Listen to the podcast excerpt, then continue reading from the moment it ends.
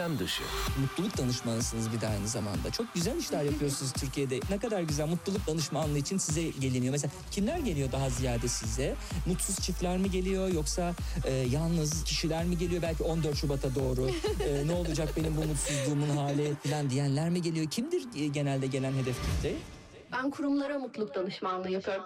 E, Kurumlarda kurumlar da önce az ücret verip insanlara mutsuz edip sonra da size mi danışıyorlar nasıl mutlu edeceğiz bunları diye. Gündem dışı.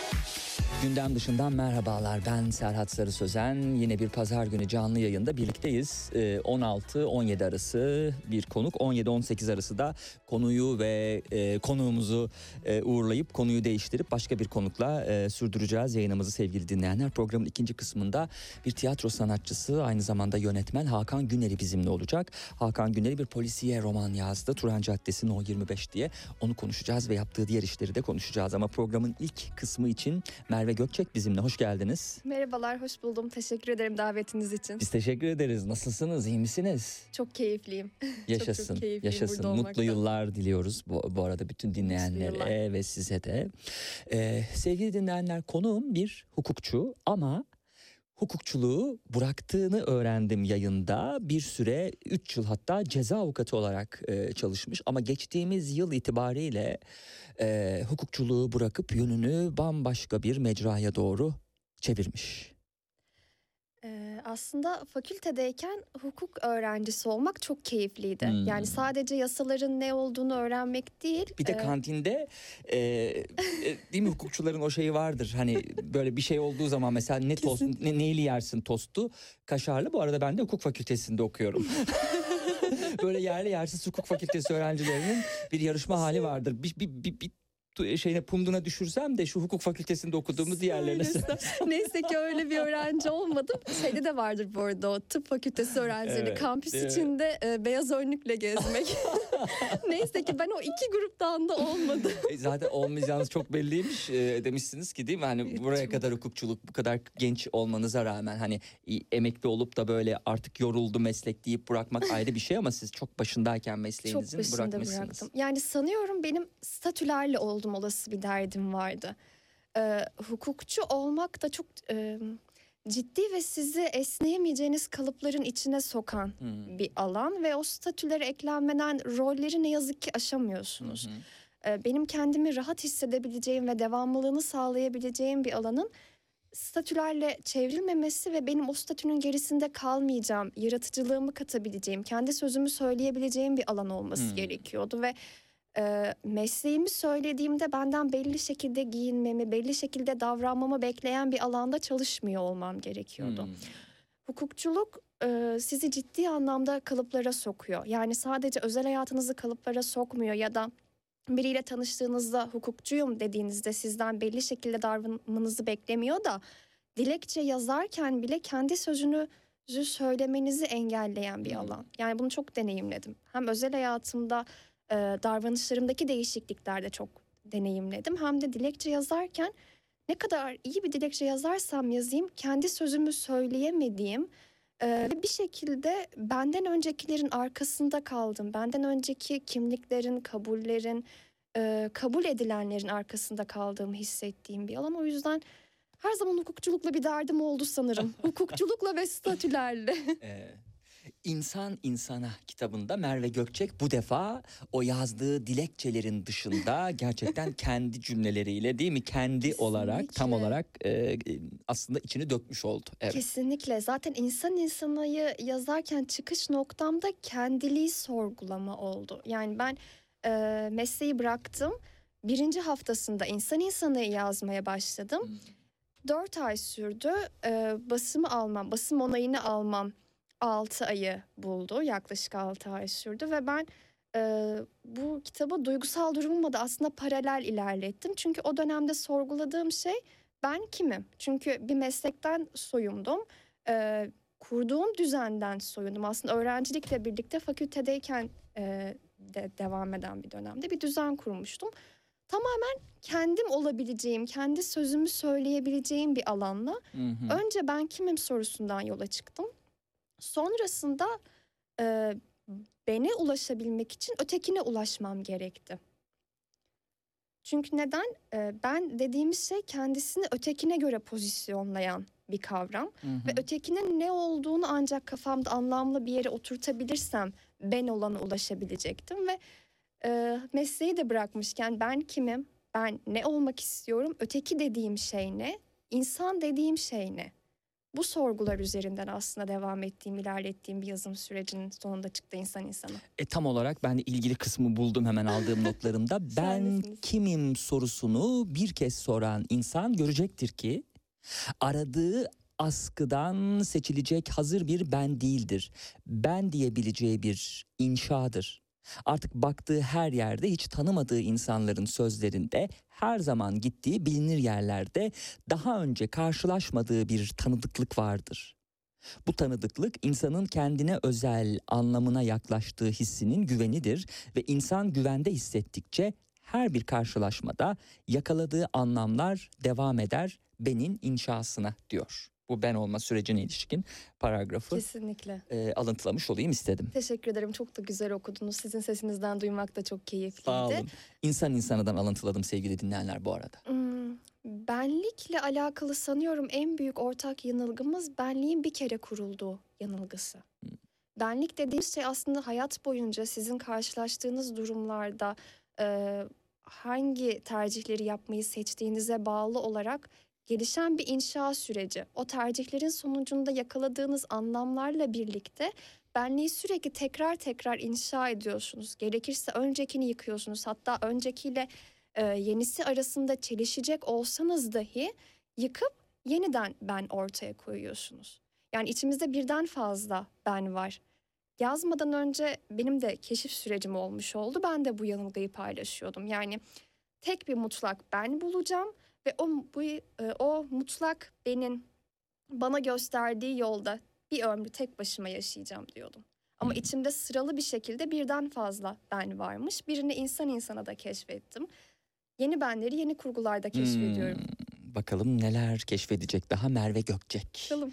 E, şimdi e, tekrar e, yazar e, özgeçmişine döndüğüm zaman e, aldığım notlara ceza avukatlığı değil de e, hukukun başka bir alanıyla uğraşıyor olsaydınız bu sizin yeni benin inşasında ve hukuk mesleğinin bırakılmasında acaba yine rol oynar mıydı? Yani acaba seçtiğiniz alan mı sizi yordu? Yani ceza alanı mı yordu? Hani bir taşınmaz hukuku olmuş olsaydı ya da başka bir şey olsaydı da yine aynı o yeni benin yaratım süreci acaba gecikir miydi yoksa aynen devam mı ederdi? Çok güzel bir soru. Bunu ben de kendi kendime çok soruyorum. Yani ceza alanın ceza alanında şöyle bir durum var. İletişim kurmanızın çok zor olduğu bir alan Hmm. ceza ve insanların e, çok stresli, çok tetikte olduğu bir alan. Yani işin doğası gereği siz rahatlayamazsınız, ruhsal olarak rahatlayamazsınız ceza alanında. Bu kısım beni çok yordu ama ben cezadan öncesinde staj dönemimdeyken zaten özel hukuk ağırlıklı çalışan Hmm. bir büroda staj hı. yaptım. Yani işin o kısmını da deneyimlemiş oldum. Onu da mutlu olamadım. Ama sorduğunuz soru özeline dönecek olursam evet ceza benim inşasını biraz daha öne çekti. Hmm. Çünkü insanlar arasındaki iletişim problemleri beni ciddi anlamda yordu. Yani sürekli buyurgan olmanızı gerektiren, sürekli yüksek perdeden konuşuyor olmanızı gerektiren bir alan ne yazık ki ceza. Ve ben buyurgan bir insan değilim. Hmm. Bir şimdi yani Merve Gökçek düşünebiliyor musunuz? Hani insan insanaya yazmış. Hani yeni benin yaratım süreci diyor. Gidecek ceza e, işlerini yaparken e, müvekkiline cezaevine anlatacak adam işte ben ad- aslında adam öldürme suçu yapmadım da işte bir sorun niye yaptın? Yeni benin inşasına isterseniz başlayalım diye. Dese değil mi anne nasıl bitti? Bu gerçek siz değilsiniz. Yeni bir ben yaratmak lazım. Çok aslında bunlar önemli meseleler değil biliyor musunuz diye bağışlayabileceğim.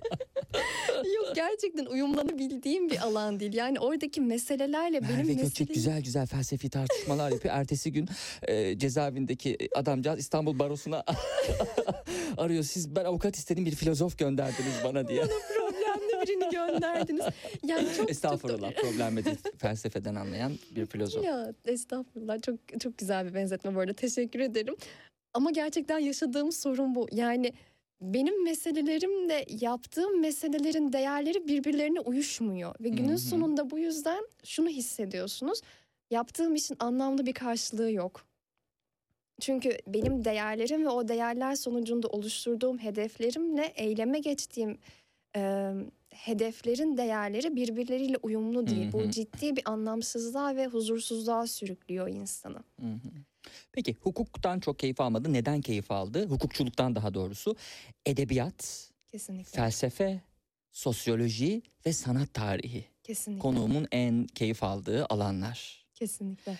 Ee, kütüphanesine baktığımız zaman da ne görüyoruz? Kurgusal alanda yazıyor olmasına rağmen kütüphanesinin büyük bir kısmını kurgu dışı kitaplar oluşturuyormuş. Çok doğru. Hı hı. Ee, bunu söylediğimde aldığım ilk tepki şey nasıl yani? Ben Hmm. kurgu okumayı hiç sevmem. Yani en Hmm. son kurgumu ne zaman okuduğumu hatırlamıyorum.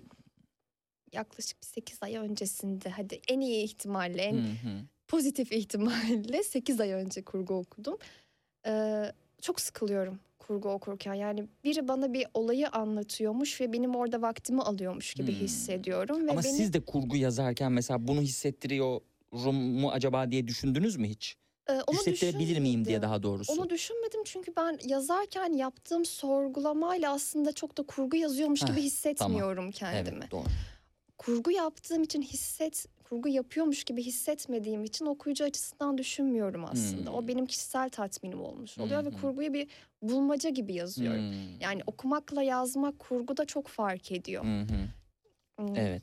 Nitekim e, İnsan İnsana kitabında da Merve Gökçek e, okuyucusunun zihninde bir kapı aralamak amacıyla ben kimim sorusunun etrafında şekillenmiş beş ayrı hikayeyi bir araya getirdi. Bu hikayelerden ilki topraktı. Evet. Toprağa bakalım. Ondan sonrasında Çok yine sizin yaptığınız diğer işlerle e, ilerlemiş oluruz. Hani kurgu tam olarak kurgu yapmıyorumdan ne anlaşılması gerektiğini aslında toprak çok güzel özetleyen bir Teşekkür kısım, ederim. bir ilk bölüm.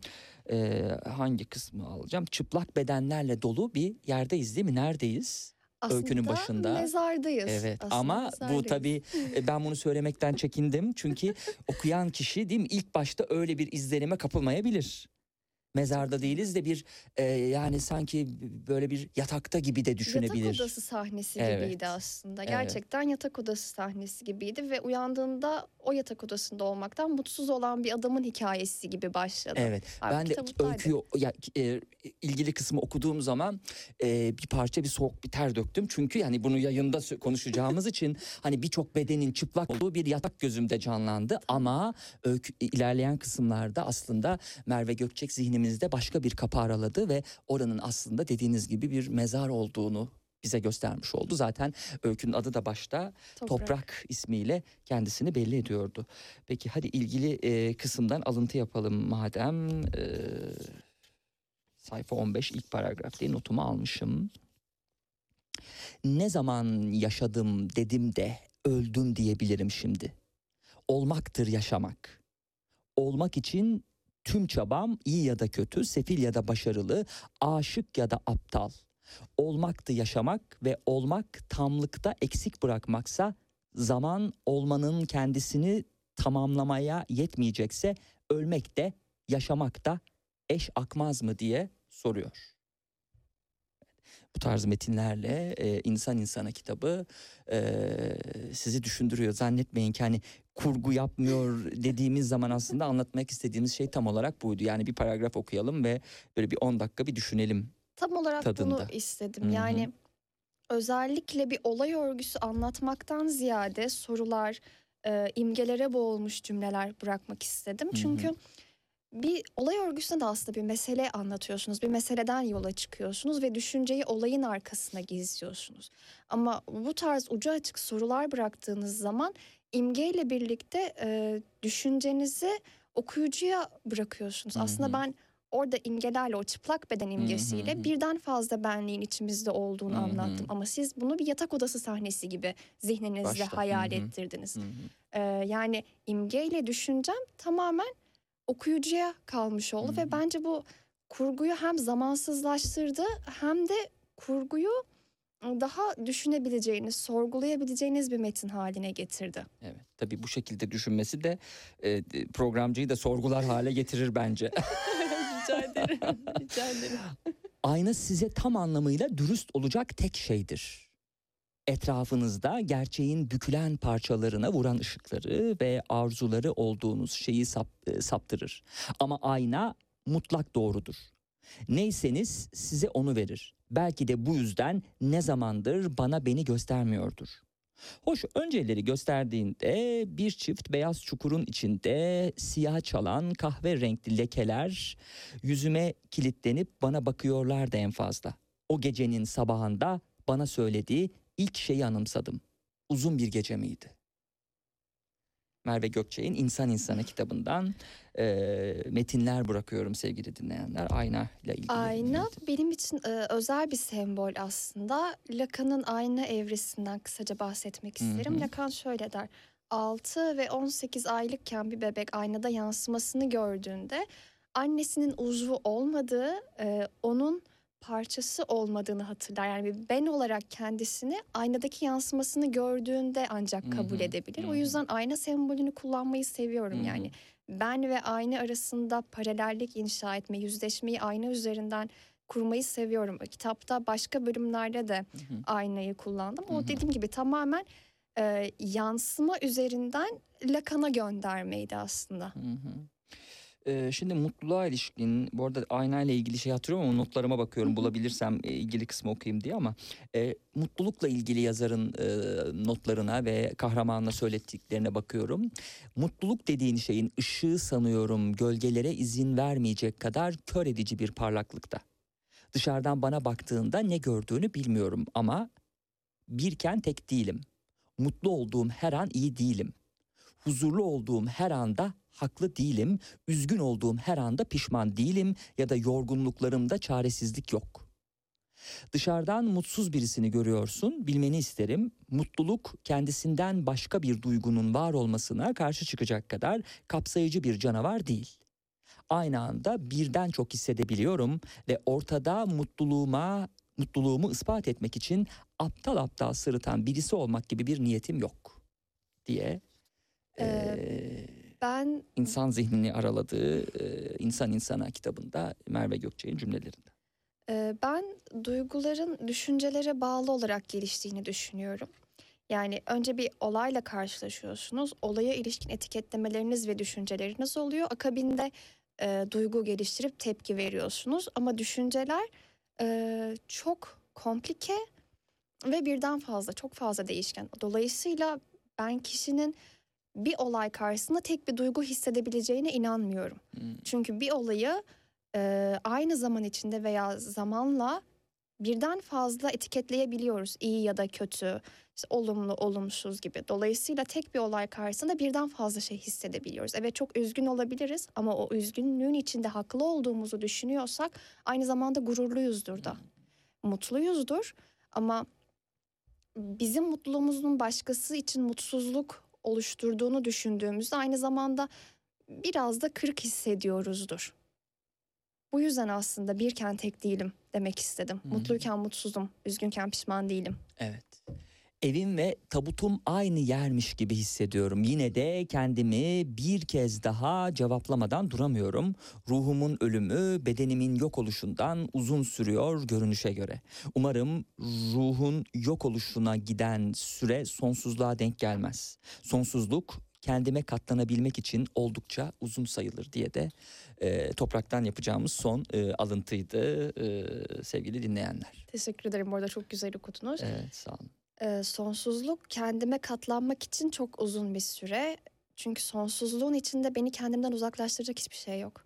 Yani sonsuzlukta vurgulamak istediğim şey aslında şu an boş zaman yaratmıyor oluşumuzun e, kendimize katlanamayacak olmamız. Yani bugün kendimizi çok fazla etkinliğin içine kapatıyoruz. Sürekli meşgul olmak zorundayız. Çünkü kendimizden kopuğuz. Sonsuzlukta temsil ettiğim şey modern insanın kendisine boş vakit bırakmıyor. O boş vakitin içinde kendisiyle kalmak istemiyor oluşu. Çünkü orası ciddi bir yüzleşme anı. Bu yüzden bu kadar meşgulüz. Bu yüzden bu kadar kendimizden kopuğuz. Hmm. Çünkü yüzleşmek istemiyoruz. Amatör olarak güzel sanatlar fotoğrafçılığı ile ilgileniyor musunuz? Evet. Neler çekiyorsunuz daha çok? Ee, ben sergi ve müze gezmekten Ha gezmek, inan- izlemekten. gezmekten ve izlemekten yani çok büyük keyif alırım. Orada yakaladığım imgeler ve detaylarla uğraşmayı çok seviyorum. Yani gördüğüm bir heykeldeki ufak bir detayı fotoğraflayıp o heykelin bütününe yönelik anlam çıkartmayı çok Hmm. seviyorum. Çünkü bana çok güzel imgeler veriyor güzelliğe bakmak. Burada güzellikten kastettiğim şey e, güzel ve göze hoş gelen şey değil. Çok korkunç ve çok çirkin bir şeyden bana hissettirdiği yoğunluk da benim için Hmm. güzel. E, yani estetik olanı kovalamıyorum anlamında Hmm, söylüyorum bunu hı. orada yakaladığım imgelerle birlikte düşünmeyi çok seviyorum. Çünkü bana yeni bir kapı açıyor, yeni bir şey sorduruyor ve bunun üzerine yazabiliyorum. Gerçekten benim için iyi bir resme bakmak, iyi bir esere bakmak çok ilham verici. Bu yüzden hani onları fotoğraflayıp Hı hı. kendim için biriktiriyorum aslında. Hmm.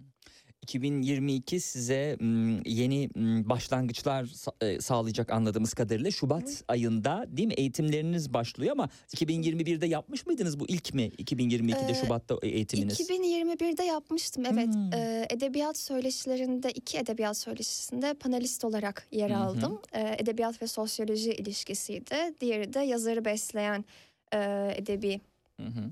edebiyat dışı alanlardı. Şubat 20. yüzyıl Batı resminde değil mi? aşk, Aşkın evet. iz düşümü eğitimi. Evet yani aşkı sanırım ya yaşıyorsunuz ya da benim gibi oturup üzerine düşünüyorsunuz. ben şu an Bence çok e, dolu dolu yaşamadan da üstüne düşünülemez diye düşünüyorum. Çok doğru. Çok doğru. Ben şu an için sanıyorum biriktirdiklerimle birlikte üzerine ancak düşünebildiğim bir aşamadayım. Evet. Bunu eğitime düşün, e, eğitime dönüştürdüm ilgi alanlarımla birlikte. Aşkın diyalektiği ve Batı resminde 20. yüzyıl Batı resminde aşk üzerine bir 5 haftalık eğitim modülü Aha. vereceğim. Online mı bu yoksa? e, Online olacak. aha. Online olacak. Bir eğitim platformu aracılığıyla yaptım. Online bir eğitim. Harika. Bol bol aşkı sorgulayacağım. Bakalım nerede Harika. hata yapıyorum ya da aşk Evet. dediğimiz şey ne onu keşfedeceğim. Bakalım hani e, bu tabii karşı etkileşim içerisinde oluyor. E, e, e, katılanlardan neler gelecek acaba? Belki değil mi? Neyi sorgulayacaksınız Çok katılımcıların geri ediyorum. dönüşünden? Yani onu da çok merak ediyorum. Çünkü aşk dediğimiz şey e, herkeste farklı yaşanıyor. Yani katılımcılarla benim aşk tanımım mutlaka birbirinden çok farklı olacaktır. Onlar bana neyi sorgulatacak çok merak ediyorum. Duyurusunu yapabiliriz bu arada. Hangi platformda yayınlanacak? Umay Bilim Sanat e, Merkezi'nde Merkezinde. Peki. olacak. 2 Şubat'tan 2 Mart'a kadar. Harika. Adını tekrar söyleyeyim. Aşkın diyalektiği ve 20. yüzyıl Batı resminde aşkın iz düşümü. Mesela siz e, ziyaret ettiğiniz yerlerde böyle müzeleri gezip o resimlerde aşkı takip eder misiniz? E, özel olarak aşkı takip etmem. Ya da imgeleri takip ettiğiniz im- zaman ne çıkar karşınıza diye toparlayayım soruyu. İlişkilere dair çok şey çıkartıyorum. Hmm. Çok doğru. Yani sadece aşk üzerinden okuma değil ama ilişkilere dair bana çok güzel şeyler veriyor. Ee, hatta çok sevdiğim bir resim vardı. Şu an hatırlamıyorum ama imgeler gözümün önünde. İki imgeler gözümün önünde. Tam olarak bu onu fark etmişim. Hmm. Resmin adını unutup imgeleri hatırlıyorum. Ee, iki insan betimlenmiyor. iki robot betimleniyor.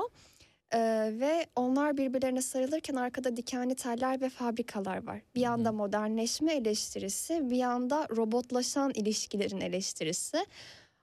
Onu o resimde karşılaştığımda e, benim için çok çarpıcı olmuştu. Yani ben önce modernleşme eleştirisini değil, robotlaşan ilişkileri Hı hı, gördüm. hı hı. Keşke hatırlayabilsem resmin ismini Evet. de. Bu arada ilişkiler demişken ben e, bir me- metin almıştım, metin notu almıştım sizin e, e, yine yazdıklarınızdan. İlişkiler kontrol edebildikleri- edebildiklerimizin içerisindeki en küçük ve değersiz parça diyorsunuz. Bu yüzden o en küçük parçayı iyice kavrayıp, çiğneyip, e, doğasını saptırıp bütüne uygun bir kapta en başından var etmek istiyoruz. Oysaki parçaları bütünlük içinde değil, bizatihi parçanın da bir oluş biçimi olduğunu kabul ettiğimizde algımız nesnelliğe değil, yaşamın kendisine yayılır, bir çeşitlilikte deneyimlenebilecek diye de sürdürüyor. Ee, bizim modern anlamda anladığımız evlilik yani içinde aşk olan evlilik aslında 19. yüzyılın ürünü. Hmm. 19. yüzyıldan önce içinde aşk olan evliliklere e, pek çok kültürde rastlamıyorduk. Hmm. 19. yüzyılda ne oldu? Ee, sanayi devrimi, fabrikalaşma, seri üretim. İnsanlar her şeyin çok hızlı tüketilebilir olduğu gerçeğiyle artık yüzleşti ve buna uyumlanmak zorunda hissetti. Dolayısıyla duyguların da çok çabuk tüketilebilir olduğunu gördü. Böyle olunca bizim ortak davranışlarımız olma ilkesinden değil de sahip olma üzerinden yürüdü. Yani biz bir arabaya sahip olamazdık, bir telefona sahip olamazdık çünkü bu çok çabuk eskiyecekti. Ama eğer duyguya ve insanlara sahip olabilirsek bir kalıcılık e, ve buna bağlı olarak bir güven alanı geliştirebileceğimiz bir noktadaydık. Bu yüzden artık ilişkilerimizde de sürekli sahip olma üzerinden hareket ediyoruz. Çünkü etrafımızda her şey çok hızlı ve çok çabuk bir şekilde tüketiliyor. Ama duygular bize kendimizi güvende hissettiren alanlar çünkü kaynağını bizden alıyor, Hmm. dışarıdan değil. Yani bir araba artık kaynağını tabii ki dışarıdan alıyor ama duyguyu biz ürettiğimiz için ve onu karşımızdaki kişiye yansıttığımız için onu olabildiğince e, sınırları belli alanlara sıkıştırırsak onun üzerinde sahip olup kalıcılık yaratıp güvende hissedebileceğimizi düşünüyoruz. Hı hı.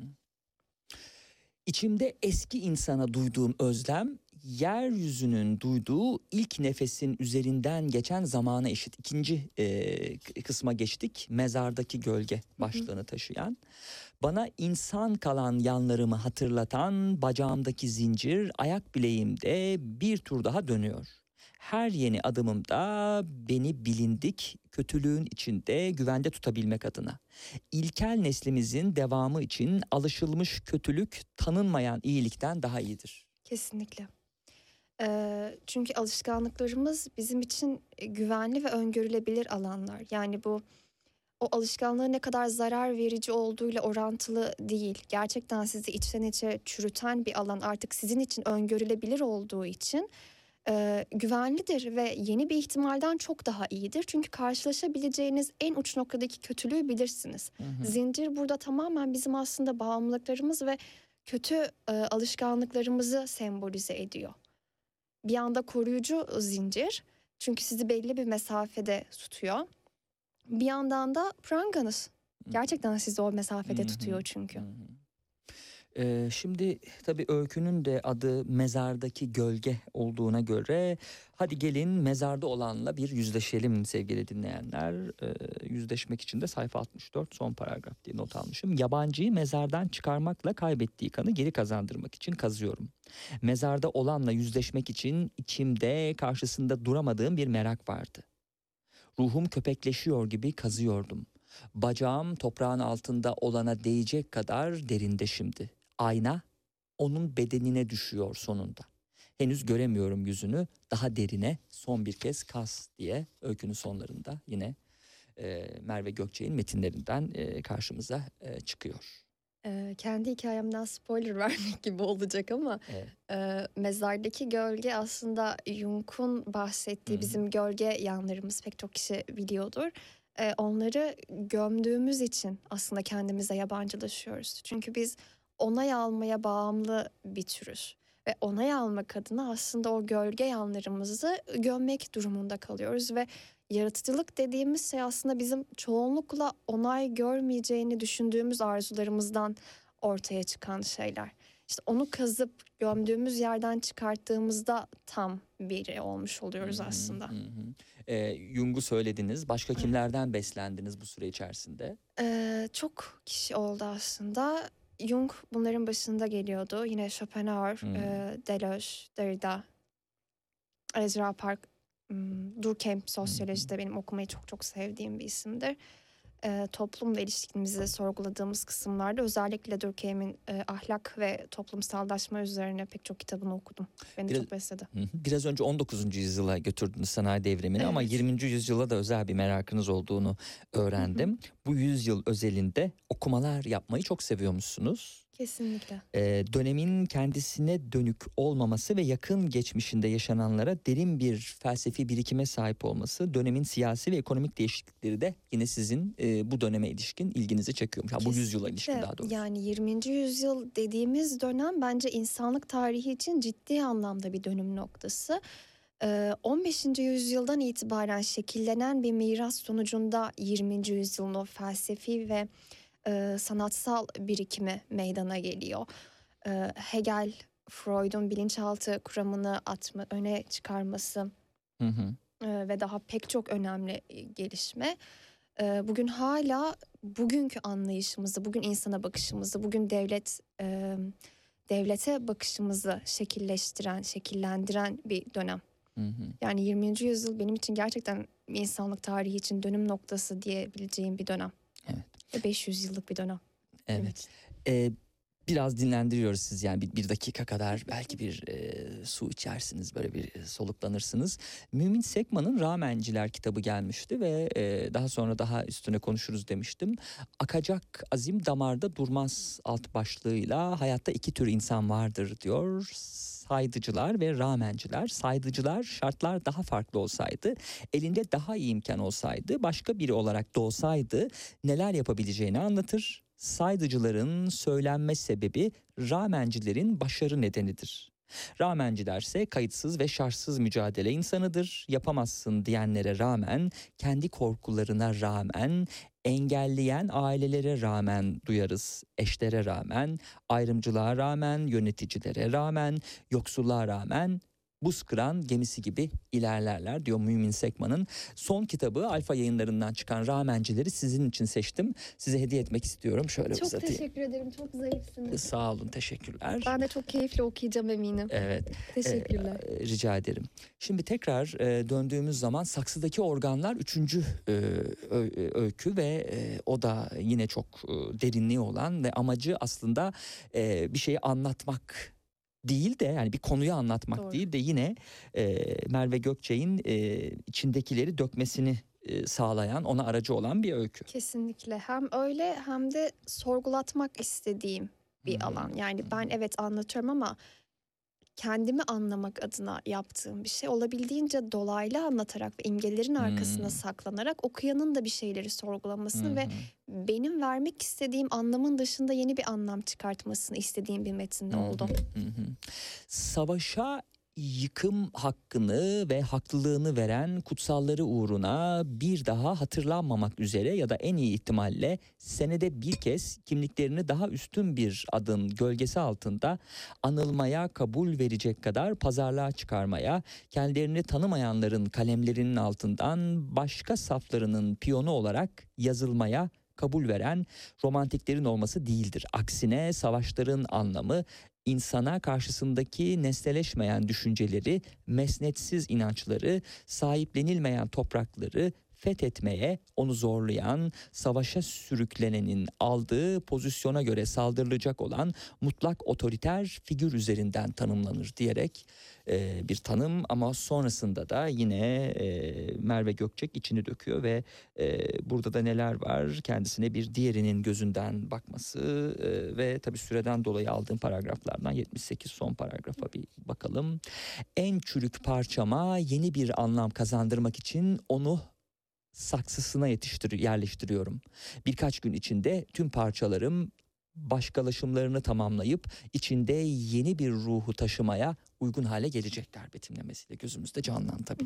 E, kastı o değil e, öykünün yani bir bilim kurgu anlatmıyor şüphesiz ama Kendini kendinden evet. doğurmayı anlatmak Evet, istediğim bir metin oldu tam olarak. Yani parçalarını tek tek kesip parçalarından kastım vücudunda ikili olan organlarından birini kesip kendini bir noktada eksik bırakıp o organlarını tekrar yetiştirerek aslında kendini eksikliğinden tama kavuşturan bir kadını anlatmak Hı hı. istediğim bir metin oldu. hı. Yola çıkış noktam da e, Enis Batur'un edebiyat üzerine denemelerinde şöyle bir cümlesi vardı. Düşünsenize iki tane diliniz olduğunu. Hı. Neye neyi ne zaman söyleyeceğinize nasıl karar verirdiniz? Buradan yola çıkarak aslında yazdığım bir metindi saksıdaki organlar. Hı. İnsanlarla ilişkinize ilişkin şöyle diyorsunuz. Bir koleksiyoncunun arzu nesnesiyle olan ilişkisine benziyor insanlarla ilişkim değil mi? Doğru. Her insan sizin için bir gözlem ve merak nesnesi.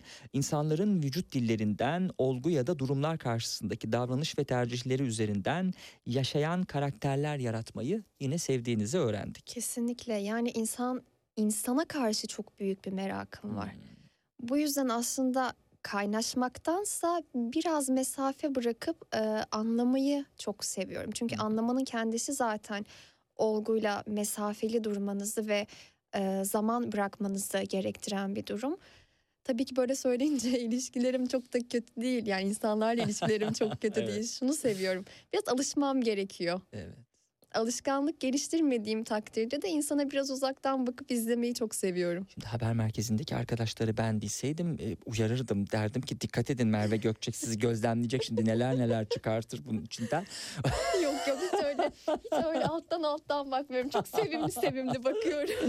e, tabii tabii tabii. yok yok hiç soğuk yani böyle soğuk uzaktan uzaktan bakan biri değilim. Olabildiğince Yok tatlı gözlemlemek ne güzel tabii insanları gözlemlemek ve bununla ilgili e, notlar çıkarmak kendine. E, sizin e, insan insana dışında bir romanınızın da bittiğini öğrendik. O romandan biraz bahsedelim. Ya da bitmek üzere mi? Ne aşamada Ee, nedir? Bir kısa romanımı tamamladım, bitirdim. Şu an üçüncüsünü yazıyorum, onu da yarıladım. O bir Hmm. roman olacak, o yüzden hı. biraz daha hı. vaktimi alıyor. Hı. Ee, ikincisi de yine sembolleri çok ağırlıklı tuttuğum bir metin oldu. Aristo'nun parça bütün ilişkisinden yola çıkıp e, Jung'un rüya sembolleriyle Hmm. birleştirdiğim ve yine insanı temele koyarak beş parçaya böldüğüm bir metin oldu. Hı. Ee, insanın psikolojik komplekslerinden karakterler yaratıp sonrasında o insana dağıtıp tekrar bir bütüne kavuşturdum. Demokratik despotizm ve çoğunluğun zorbalığı üzerine de bir kurgu yazıyormuşsunuz. Evet romanım Aa, bu. nerede geçiyor ki bu? Nereden esinlendim? Hangi zamandan, nerelerden? evet, tabii yani sevgili dinleyenler kurgu böyle bir şey kimse üstüne alınmasın. kesinlikle yani kesinlikle tamamen benim ne hayal ettiğimle oturup hayal ettim. Nerelerden beslendiğim çok Evet. bağımsız. Ee, yani de- çoğunluğun zorbalığı ve aktarılan nefret e, yakın zamandır benim meselem olmuş durumda. Hı hı. Bu yüzden bunu biraz daha e, temellendirmek üzerine kendim için de aslında temellendirmek üzerine yazmaya başladım. Aktarılan nefretten kastım çoğunlukta olmayan insanların e, devam ettirdiği nefret ve çoğunluğun onlar üzerindeki iktidarı aslında. Hmm. Bunları karşı karşıya getirdim. En çok nefret dolu olanın lider seçilmesi. Kişiliklerin çoğunluğun altında ezilmesi ve bunun çok meşru bir yolla yapılması. Bence çok çarpıcı. Yani kalabalığın içinde eziliyorsunuz ve bu meşru olan. Sadece siz ezilmiyorsunuz. Haklarınız ve sistemler de eziliyor. Ama bu meşru, kabul edilebilir ve temellendirilmiş bir durum. Peki o zaman bizim bireysel farklılıklarımız nerede? Öteki insan nerede? Onun Hmm. hakları nerede? Öteki insan demişken doğanın unuttuğu öteki insana bakalım mı? Tabii ki. Üçüncü, Tabii ki. dördün, üçü, Ee, dördüncü. dördüncü. Evet, Dördüncü. evet. Burada e, içinizi dökerken okuyucuya neler yaptınız? Aslında bu benim biraz e, ben ve ötekinden çıkıp e, toplumda ben nerede ve toplumsal sınıfların psikolojisi ne? Hı hı. Bunu sorgulamak istediğim. Tarihin Tanrı'nın ve sınıfları kabul eden insanların yegane işbirlikçisiydi. Tarih Tanrı'nın ve sınıfları kabul eden insanların yegane işbirlikçisiydi. Hatırlanma hakkın küçük insanların elinden ustalıkla almış, varlığını yüce insanlar sınıfına kurban etmişti. Doğuştan kahramanlar ya da toplumun kazandırdığı kahramanlar karşısında sıradan insanların dünyadan geçişi tarihin yanlışlanamaz kutsallığının gölgesinde ustalıkla gizlendi. Ee, bu metni sorgularken aslında yazarken sorguladığım şeylerden birisi de şu oldu. Kanaat önderlerinin hayatları Hmm. nasıl? Yani dünyada e, farklı yerlerde, farklı zamanlarda kanaat önderi dediğimiz insanların yaşadığı şeyler çok farklı. Bir yerde ezilip yok sayılırken bir anda yüceltilebiliyorlar. Ee, yüce insanlar dediğim kişiler aslında aydınlar. Hı hı. Sıradan insanlar dediklerim. Basit kitaptaki Basit. ifadeyle. Kesinlikle basit insanlar aslında. Yani bizler, yani aydın Hı hı. olmayanlar. Hı hı. Bizim onlara göre aldığımız pozisyon, onların devletler karşısında aldığı pozisyon. Hı Bunlar arasındaki ilişkileri sorgulamak istediğim bir metindi.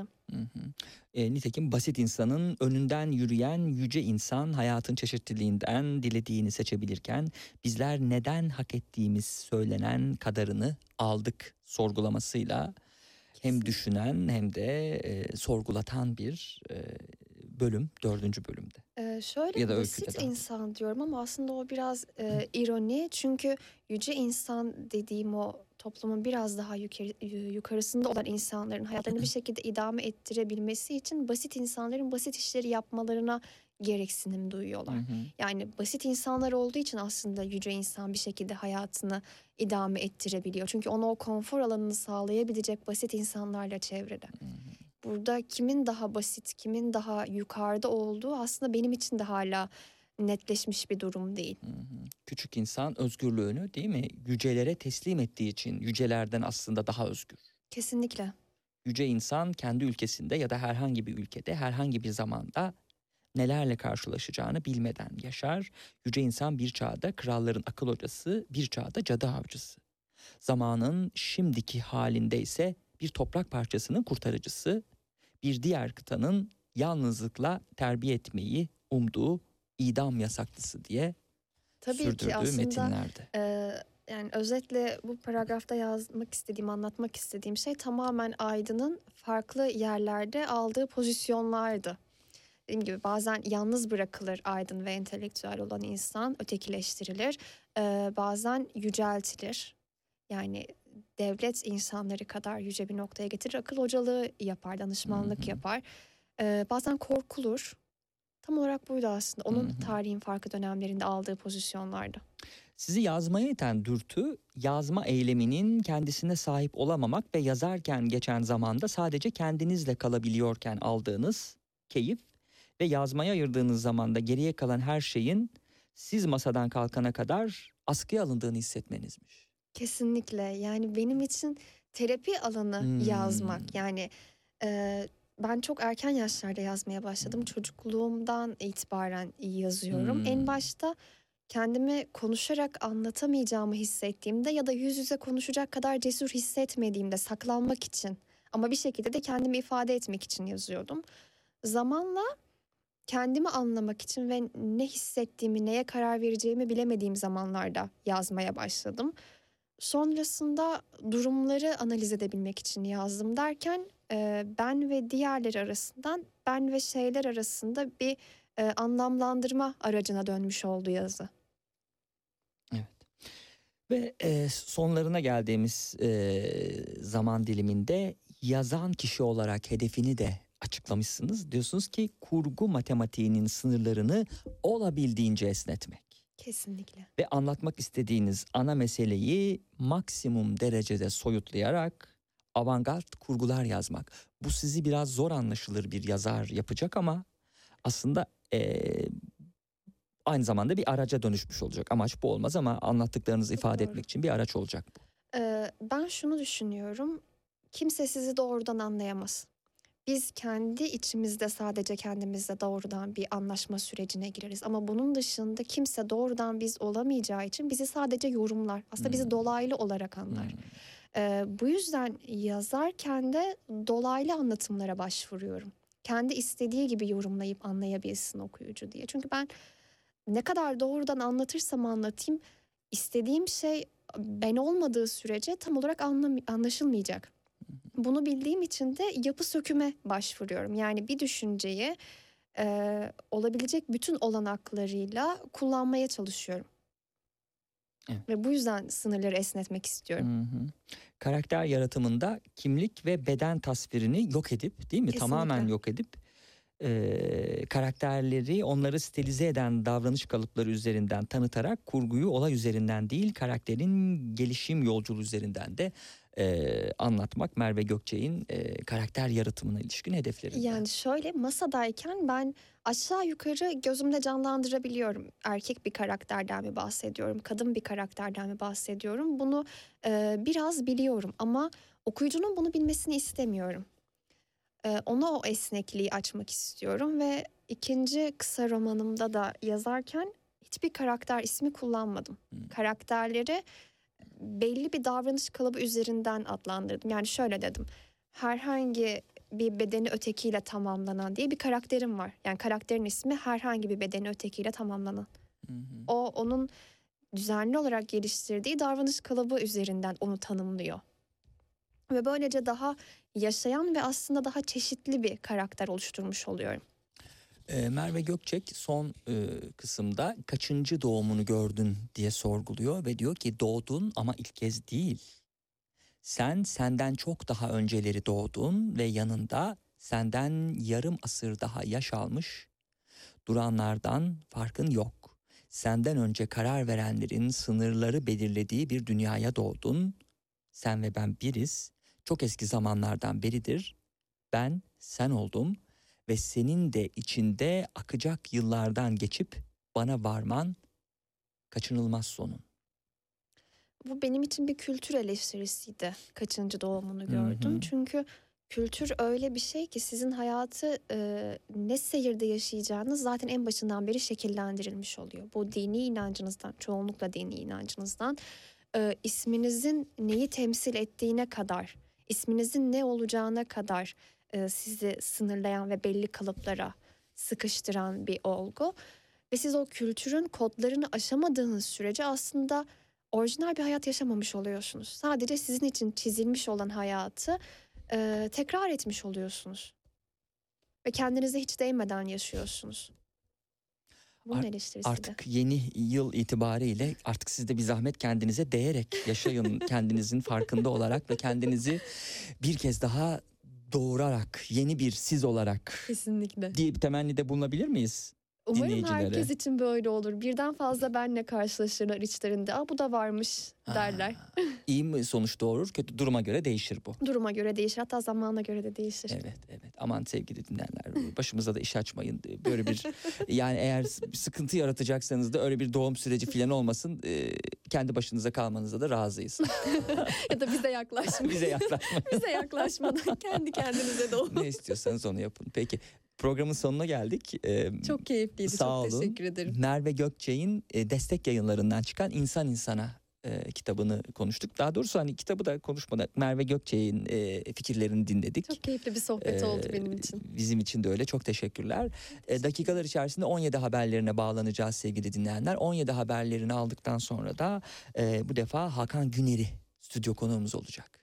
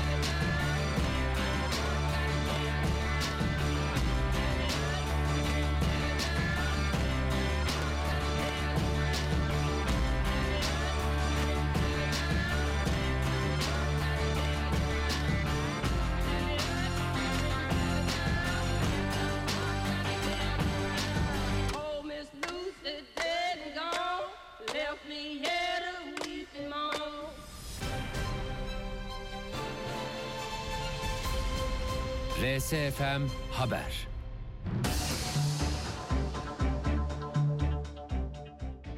Mutlu akşamlar. Saatler 17'yi gösteriyor. Haberleri aktarıyorum. Ben Selin Yazıcı. Cumhurbaşkanı Recep Tayyip Erdoğan, Rusya Devlet Başkanı Vladimir Putin'le telefon görüşmesi yaptı. Erdoğan'la Putin'in görüşmesinde bölgesel ve uluslararası konular ele alındı. Rusya'nın ABD ile NATO'ya çeşitli güvenlik garantileriyle ilgili sunduğu tekliflerin ele alındığı görüşmede Kafkasya, Suriye ve Libya dahil olmak üzere çeşitli bölgesel konulara değinildi. Görüşmede iki liderin Rusya ile Türkiye arasında karşılıklı yarara dayalı ortaklığı yoğunlaştırma taahhütlerini de inelediği belirtildi.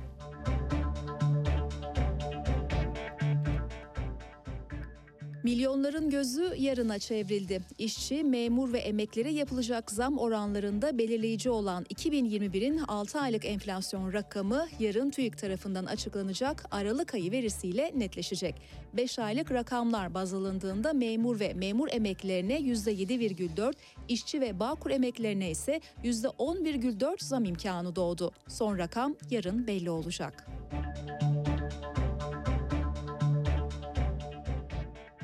2022 yılının ilk kabine toplantısı Cumhurbaşkanı Recep Tayyip Erdoğan başkanlığında yarın yapılacak. Toplantının ana gündemi ekonomi. Gözler açıklanacak enflasyon rakamlarında olacak. Toplantıda memur ve memur emeklerini ilgilendiren yılın ilk 6 ayına ait zam oranlarının görüşülmesi bekleniyor.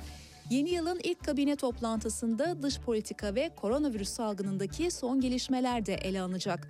Koronavirüsle mücadelede artan vaka sayıları ve yerli aşı Türkovak uygulamasındaki son durumda gündeme gelecek başlıklar arasında yer alıyor.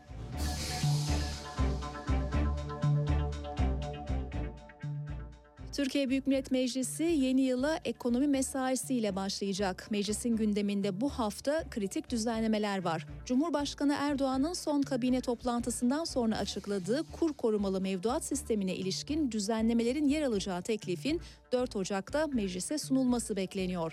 Ekonomi yönetimi, KDV ve kripto para düzenlemeleri içinde çalışmalarını sürdürüyor. Doğalgazda kademeli tarifiye geçilmesine ilişkin teklifinde kısa sürede meclise sunulması bekleniyor.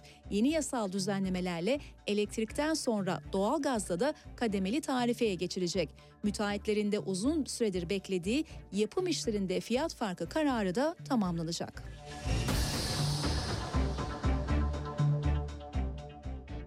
Cumhurbaşkanı Recep Tayyip Erdoğan bu hafta partisinin bazı milletvekilleriyle bir araya gelecek. AK Partili milletvekilleriyle en son 2021'in Temmuz ayında gruplar halinde görüşen Erdoğan'ın bu toplantılara devam edeceği öğrenildi. Erdoğan'ın bu kapsamda parti genel merkezinde bir grup milletvekiliyle çarşamba günü kahvaltılı toplantıda bir araya gelmesi bekleniyor. Toplantılarda milletvekillerinin illerine ilişkin değerlendirmeleri Erdoğan'a aktarması planlanıyor.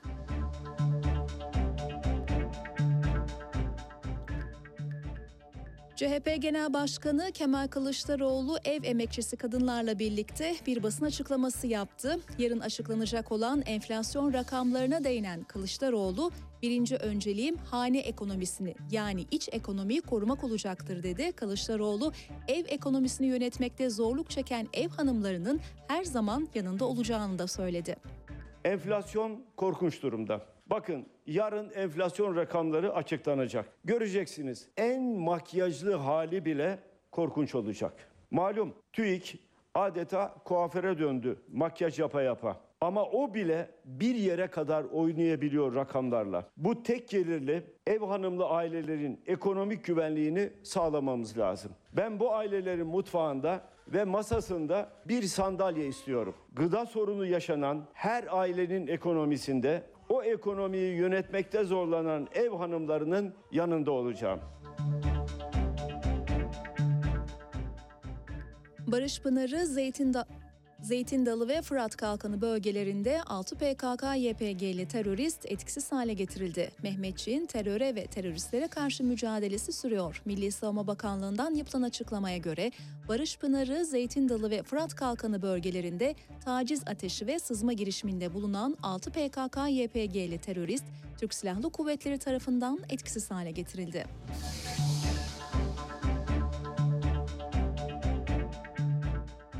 İstanbul'da yeni yılla birlikte Marmaray ücret tarifelerine de zam geldi. UKM'de alınan karar doğrultusunda %36'lık zam turnikelere yansıtıldı. Ulaştırma ve Altyapı Bakanlığı'na bağlı Marmaray'dan yapılan açıklamada zamlı tarife İBB tarafından kurumumuzun tüm itirazlarına rağmen hukuksuz bir şekilde yürürlüğe konulmuştur denildi. Marmaray'ın tam parkur ücreti 7 lira 75 kuruştan 12 lira 12 kuruşa yükseldi. En az taşıma ücreti ise 5 lira 40, 48 kuruş oldu.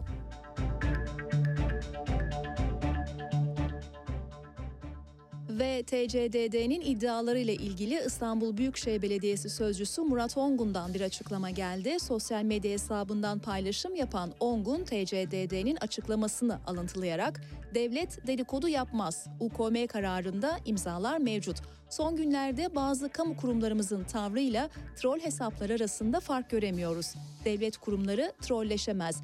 %125 zamlı elektrik kullanacak TCDD çok samimi ise ulaşımı bedava bile yapabilir, elinizi tutan yok ifadelerini kullandı.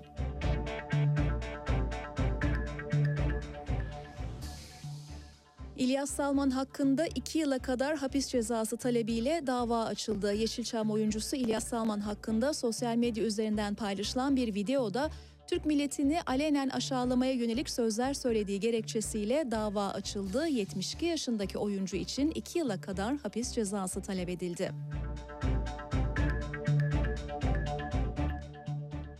Futbolda liglere verilen devre arasında Süper Kupa heyecanı yaşanacak. Geçen sezonun Süper Lig şampiyonu Beşiktaş'la Zira Türkiye Kupası finalisti Fraport Tav Antalya Spor 15. Süper Kupayı kazanmak için mücadele edecek.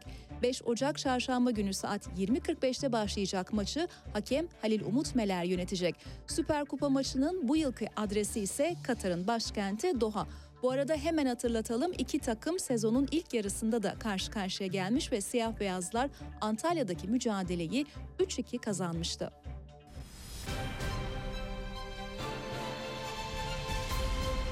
RSFM Haber Gündem dışı Mutluluk danışmanısınız bir de aynı zamanda. Çok güzel işler yapıyorsunuz Türkiye'de. Ne kadar güzel mutluluk danışmanlığı için size geliniyor. Mesela kimler geliyor daha ziyade size? Mutsuz çiftler mi geliyor yoksa e, yalnız kişiler mi geliyor? Belki 14 Şubat'a doğru e, ne olacak benim bu mutsuzluğumun hali falan diyenler mi geliyor? Kimdir e, genelde gelen hedef kitle? Ben kurumlara mutluluk danışmanlığı yapıyorum. E, Kurumlarda kurumlar da önce az ücret verip insanlara mutsuz edip sonra da size mi danışıyorlar nasıl mutlu edeceğiz bunları diye. Gündem dışı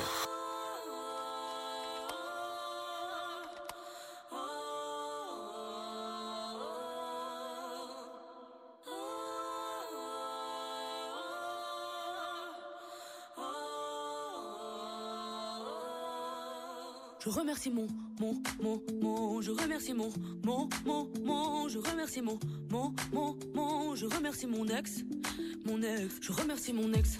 Depuis que t'es parti aujourd'hui, tout va mieux dans ma vie, ouais. Je remercie mon ex, t'as refermé la porte en un clin d'œil, c'était fini, ouais. Je remercie mon ex, grâce à toi tout va bien, tout va mieux, tout est doux, ça me fait plus mal. Grâce à toi, je respire et je me rends pas où. Et ça me fait plus mal, ouais. Grâce à toi, j'ai compris que c'était fini. Depuis, depuis, bah ouais, enfin je revis. Ça fait. Je remercie mon, mon, mon, mon, je remercie mon, mon, mon, mon, je remercie mon, mon, mon, mon, je remercie mon ex, mon ex, je remercie mon, mon, mon, mon, je remercie mon, mon, mon, mon, je remercie mon, mon, mon, mon, je remercie mon ex, Rassure-toi, je veux jamais revenir, je veux jamais te détruire, enfin ton cœur si ouais. J'ai pas voulu tout ça aujourd'hui, si on en est là, c'est à cause de toi. T'as été d'une lâcheté, ouais. Ça me fait plus mal. Après tout ce temps, tu m'as pas respecté. Et ça me fait plus mal. Grâce à toi, j'ai compris que c'était fini. Depuis, depuis, bah ouais, enfin je revis. Ça fait. Je remercie mon, mon, mon, mon, je remercie mon, mon, mon, mon, je remercie mon, mon, mon, mon, je remercie mon ex, mon ex, je remercie mon, mon, mon, mon, je remercie mon, mon, mon, mon, je remercie mon, mon, mon, mon, je remercie mon ex, mon ex. Arrête de raconter, ouais. C'est toi qui es parti apeuré, ouais. Mais je ne reviendrai plus jamais, jamais. Toi tu m'aimeras à tout jamais, jamais. Hey. Arrête de racon raconter. Je sais que tu peux mourir avec toute ta fierté, mais je ne reviendrai plus jamais, jamais. Et toi, tu m'aimeras à tout jamais, jamais. Je remercie mon, je remercie mon, mon, mon. Programın ikinci kısmında birlikteyiz. Haberleri aldıktan sonra 17 haberlerini bu defa e, bir tiyatro sanatçısı bizimle Hakan Güner'i hoş geldiniz. Hoş bulduk merhabalar. E, tabii bu kadar güzel e, sesli konuklar olduğu zaman hele ki bir de tiyatro üstadları olunca Aman e, hale yayında geriliyorum sevgili Aman dinleyenler. aman. aman aman. Ee, Şimdi Hakan Güner'in tabii ki yaptığı güzel işleri, tiyatro e, adına yaptığı güzel işleri konuşacağız ama e, sonrasında asıl vaktimizi Turan Caddesi No 25'e ayıracağız. Hakan Güner'in ilk romanı Evet. Üçlemenin ilki. Evet. Merakla da okuduk. Bir e, gerilim içerisindeydi bir e, polisiye e, roman. E, bunun hakkında konuşacağız tabii. E, karakterler çok değerli yaratılan karakterler. Özellikle Eflatun karakterine bir odaklanacağız en çok. E, ama öncelikle e, tiyatro alanında yaptıklarından bahsedelim Hakan Güner'in. 1993 yılına götüreceğiz sizi. Tabii 1993 yılı sizin tiyatroya başladığınız Evet. e, ilk yıl e, ta ki 98'e kadar profesyonel tiyatro e, Evet. hayatına adım attığınız yıla kadar e, amatör düzeyde Amatör sürdürdünüz o düzeyde tarihte. tiyatroyu sürdürdüm. Çok erken başladım ben e, tiyatroya ve sonra hayatımda tiyatrodan başka hiçbir şey olmadı. Hmm. Yani aslında şu ana kadar oynadığım oyunların, çalıştığım tiyatroların neredeyse isimlerini unuttum diyebilirim. Evet. E, çünkü biliyorsunuz çok yoğun ve e, hızlı e, devam eder Türkiye'de. Av- Avrupa'da daha farklı atıyorum bir oyun 15 yıl 20 yıl rahatlıkla kapalı gişe oynayabiliyor pek çok ülkede. En azından 4 yıl 5 yıl. Evet. Bizde o e, her oyuna her tiyatro sanatçısına e, nasip olmuyor. Onun için e, çok fazla oyunda oynamak e, çok fazla proje yapmak durumunda kalıyoruz. Biraz mesleğin doğası da öyle tabii. Kusura Evet. bakmayın kesin. Estağfurullah yok ne demek. Eyvallah. Ee, şimdi tabii çok fazla tiyatro derken gölge oyuncuları, e, Akdeniz Üniversitesi Tıp Fakültesi Tiyatrosu, Oo, ne kadar eskiye personel gittiniz. tiyatrosu, değil mi? Balon Çocuk Tiyatrosu, Bölge Tiyatrosu, Aktör Stüdyo ve Ferah Tiyatrosu. Evet. Tabii Ferah Tiyatrosu'nun e, ve Performans İstanbul'un e, kuruculuğunu ve yönetmenliğini yaptı. E, Ferah Tiyatrosu'nun bir e, tabii e, özelliği var. E, Muhsin Ertuğrul'un e, kurduğu bir tiyatroydu Evet. ama bir süre sonra kapandı. Onun ismine İsmini- hürmeten Aynen, değil mi? Onu yaşatmak için E, yaşatmak için yaptınız. Ee, onun çok özel bir hikayesi var. Hı hı. Ee, biz çok fazla Avrupa'da tiyatro festivallerinde de gezdik. Ee, Avrupa'da pek çok dünyanın başka yerlerinde, Kore'de falan kardeş tiyatrolarımız da oldu. Tabii e, yani tiyatro aslında şey kocaman bir aile aslında her iş, iç- için bunu bu söylenir. Lakin tiyatroda bu gerçek ve işte dünyanın bir yerinde herhangi bir sahnede bir oyundan sonra veya oyundan önce ya da bir festival alanında bütün ekipler, oyuncular bir şekilde e, toplanıyor ve sohbet ediyorsunuz günün sonunda. Hı hı. Ve orada e, herkes kendi cebinden getirdiklerini ortaya koyar. Kore, Japonya, Romanya fark etmiyor. Hı hı. E, e, Ferah Tiyatrosu aslında böyle bir e, festival, böyle bir e, festival sonrası e, tek, tekrar Türkiye'ye döndükten sonra e, benim aklımda canlanmaya başlamıştı. Kore'de e, Kore Ulusal Tiyatrosu'nu seyretmiştik. E, ve o, o beni çok etkilemişti. Daha öncesinde de e, Antalya'da Aspendos'ta, tarihi Aspendos'ta yine Kore Ulusal Tiyatrosu'nun e, King Uru diye bir oyun seyrettik. Kral Lear Shakespeare'in. E, o olağanüstü bir uyarlamaydı. Bir uyarlamaydı evet. E, ve fakat olağanüstü bir uyarlamaydı. Tamamıyla kendi kültürleriyle, tamamıyla kendi çizgileriyle, renkleriyle, müzikleriyle, dekor sistemiyle. Rahmetli Yıldız Kenter'in de son oyunu sanki Evet. değil mi repertuarındaki belki. Benim hatırladığım evet. Ee, bu bizi çarpmıştı ve o- ondan sonra ben düşünmeye başladım. Yani bizden hikayeleri farklı bir e, estetikle, değişik bir dramatizasyonla, bir dramaturjiyle sahneye nasıl getirebiliriz?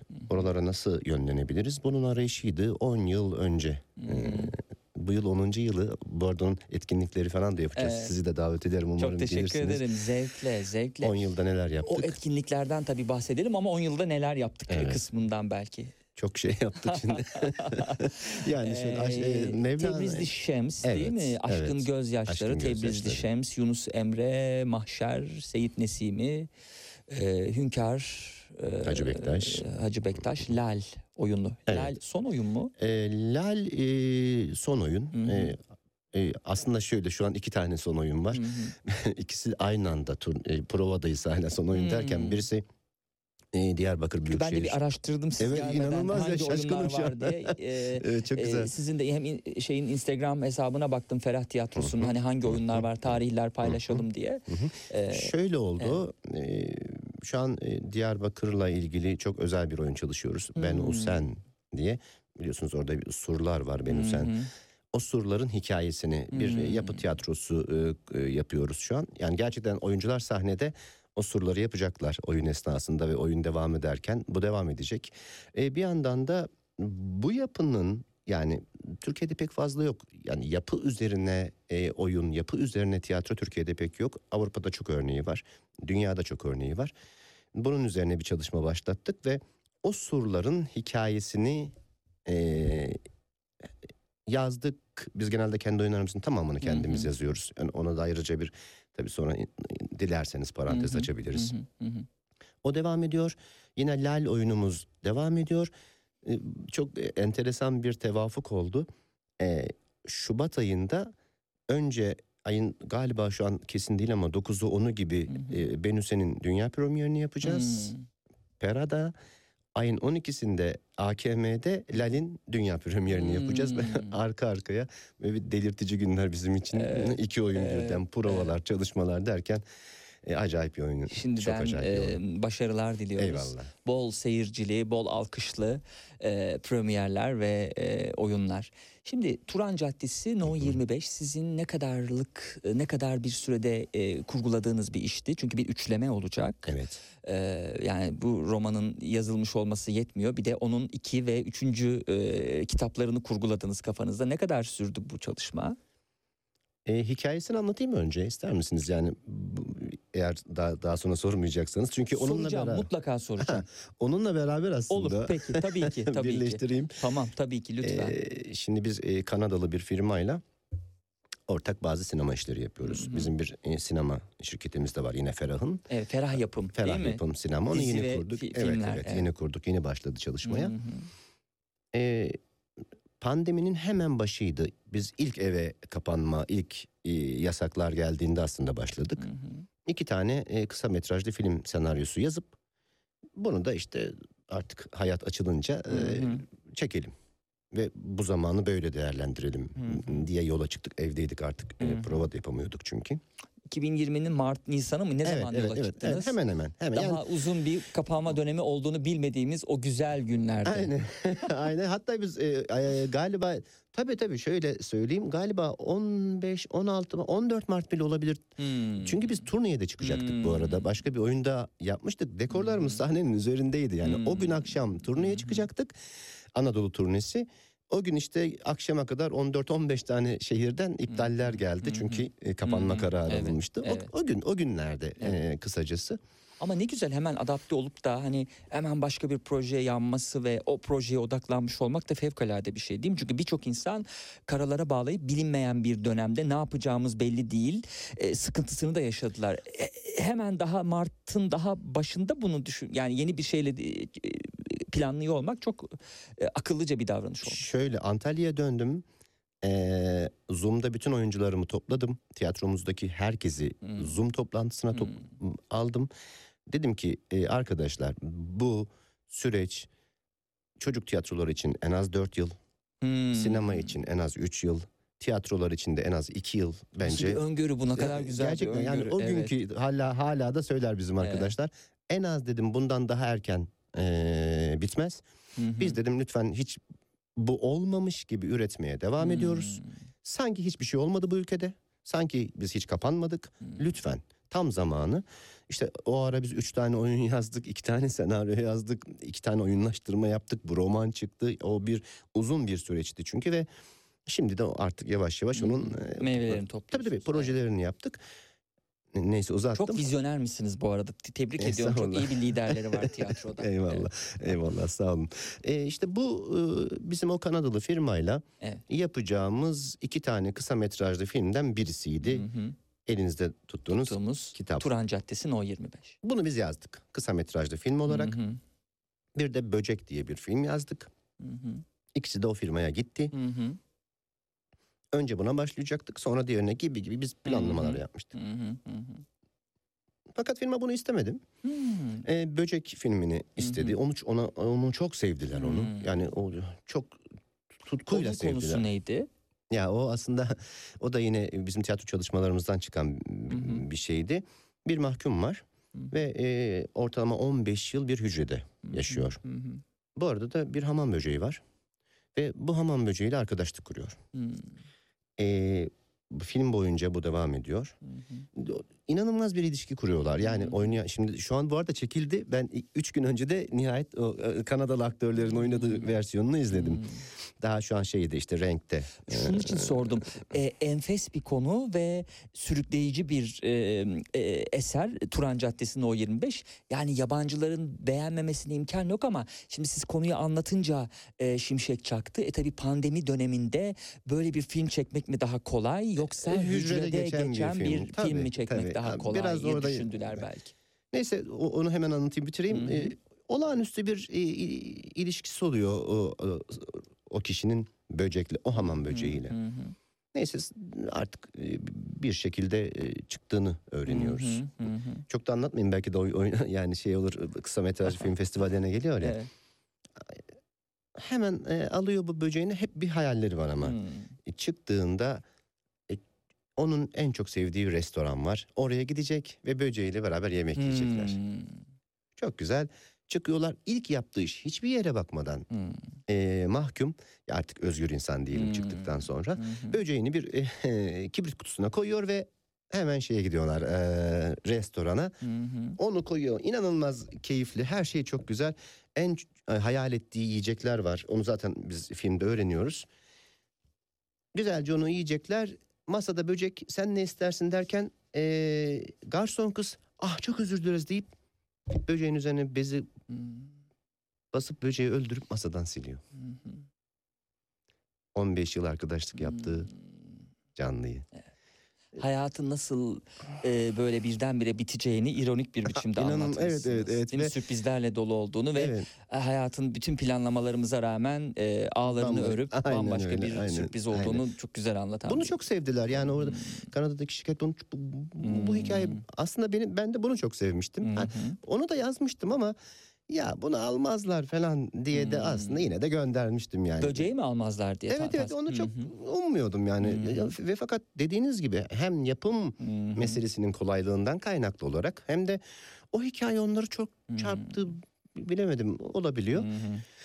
Bunu sonra yaparız dedik. En sonunda bu ya biz bunu yapmayalım dedik. Hı. Tamam biz diğer anlaşmalarımızı yaptık. Hı. Böcek filmiyle firmayla anlaştık. Hı İki şirket tamam hı. yola çıktık. Hı. Ve, ve fakat bu kaldı. Hı. O kadar da meftun oldum ki ben bu hikayeye ya ne yapayım falan. Dedim ben roman yazayım. Aslında bunu öncesinde de zaten Hı hı. işte tiyatro oyunu zaten yazıyorum yıllardır. işte senaryolar yazıyorum. Metinler, reklam metinleri yazıyorum. Hı hı. Her şeyi yazıyorum ben ya. Yani sürekli e, bilgisayarın başındayım. Ve sonra birdenbire bu bir roman şeklinde pandemi döneminde başladı. Sorduğunuz soruya şimdi tekrar Ee, dönüyorum. E, yazılma süreci yaklaşık bir buçuk ayımı falan aldı. Hı hı. E, ama tabii süreci değerlendirilmesi, tekrar toparlanması, yeni e, yeniden eklenmeler falanla filanla bir altı ay zamanım aldı benim Evet. e, roman. Ya tabii e, Mustafa insanın e, uykularına girerdi muhtemelen. E, Yani hiçbir şey artık yapmadan işte tozlu raflarda Mustafa'nın öyküsünün okuyucuyla buluşmaması ya da di- diğer insanlarla buluşmaması çok iyi olmuş. Elinize sağlık. Eyvallah. Ona dayanamadım yani o güzel bir şeydi, güzel bir duyguydu benim için. 25 yaşındaki kahramanımızın nasıl öleceğim sorusuyla başlıyor roman Evet. sevgili dinleyenler. Adı Mustafa fakat kendisine Eflatun denilmesini istiyor. Ee, Aralık ayında. Bu arada zaman e, geçişlerinden konuşuruz. Ee, yani hani Mustafa kanlı canlı karşımıza çıkıyor. Bakmayın siz nasıl öleceğim diye başlamasına ve e, böyle kötümser olmasına. Apartmanda yavaş yavaş çatı katına doğru e, çıkıyor e, Mustafa ilerliyor.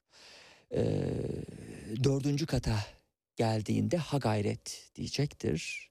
İçinde bir yerlerde 25 yaşı çatı katına vardın mı tamamdır bu iş. Sonra yere çarpınca Canım acıyacak mı diye düşündü. Korktu bir an bundan. Şu ana kadar acımayacak dedi kendine. Bu gece kadar acımayacak. Başı dönmeye başladı ki bu iyi haberdi. Düşerdi belki. Öyle ya atlamak bir şey, düşmek başka bir şeydi. Şu dört katı çıkarken o kadar çok şey olmuştu ki bütün gücünü ve kararlılığını yitirmişti Mustafa. Nitekim hani kitabın başı olduğu için söyleyebiliriz. Sonrasında çatı katından aşağıya kendisini bırakacak. Evet. Evet biraz e, Mustafa'dan da bahsedelim. Bir ay önceye gidelim. Hani Aralık ayında bu oluyor. Kitapla uygun şekilde Kasım ayına gidelim. E, Eflatun bir gazinoda çalışıyor değil mi? Evet. Bir anneciği var. Anneciğiyle birlikte yaşıyor. Muhafazakar bir kadın ki Mustafa'yı daha iyi canlandırabilmek için gözümüzde anne e, önemli bir yaratım süreci olmuş. Sert de bir patronu var. Patronun odasına girmeden önce içeride çalan şarkıya bir e, kulak vermek istiyoruz. Mustafa'nın nasıl bir ruh halinde olduğunu e, anlamak için sevgili dinleyenler şimdi e, adı Eflatun denmesini isteyen bir Mustafa düşünün. Sert bir patronu var. E, şeyden e, kapıya kulak veriyor ve kapıdan tam olarak şu müzik geliyor kulağımıza. Hangimiz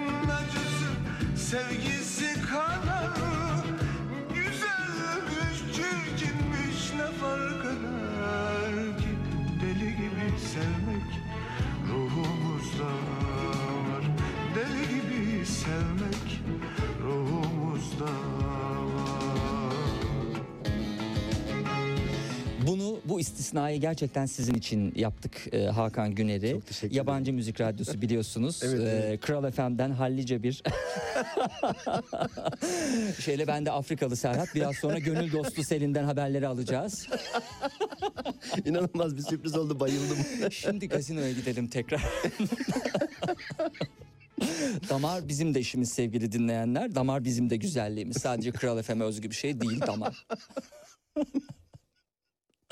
Şimdi tekrar o gazino ortamına girelim. Eyvallah. Gergin bir ortamdayız değil mi? Eflatun e, kapıyı çalacak. Bu müziği duyuyor. E, bir başka erkek olan patronu bu şarkıyı dinleyerek hüzünlenmiş ve sinirlenmiş aynı zamanda geç kaldığı için. Patronu önce bize bir anlatın. Mustafa şeye Eflatun'a döneriz tabii ki.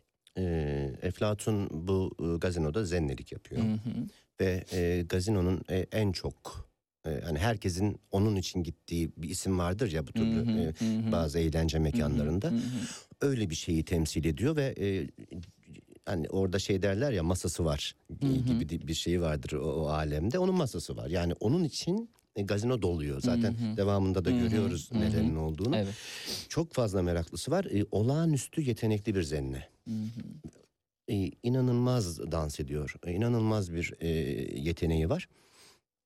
E, ve e, Zahit e, onu bekliyor. Hı hı. E, geç kalmış Hı e, hı. bir tabii. E, aralarında Bu arada geç kalmış derken işçi işveren anlamında bir geç kalmışlık ötesinde bir kıskançlık var. Çünkü Zahit aslında Mustafa'dan hoşlanıyor. hoşlanıyor. Evet. Yani, e, e, e, o abilerin, o tür abilerin bir aşk Hmm. algısı var. Çok önemli tespitler bunlar. Tabii. O abiler. O abiler evet, tırnak içinde. O abiler başka Evet. bir aşk yaşıyorlar. Onların başka bir aşk duyguları vardır. Bu biraz kederle karışık. Hmm. e, Çokça sigara ve bolca rakıyla karışık.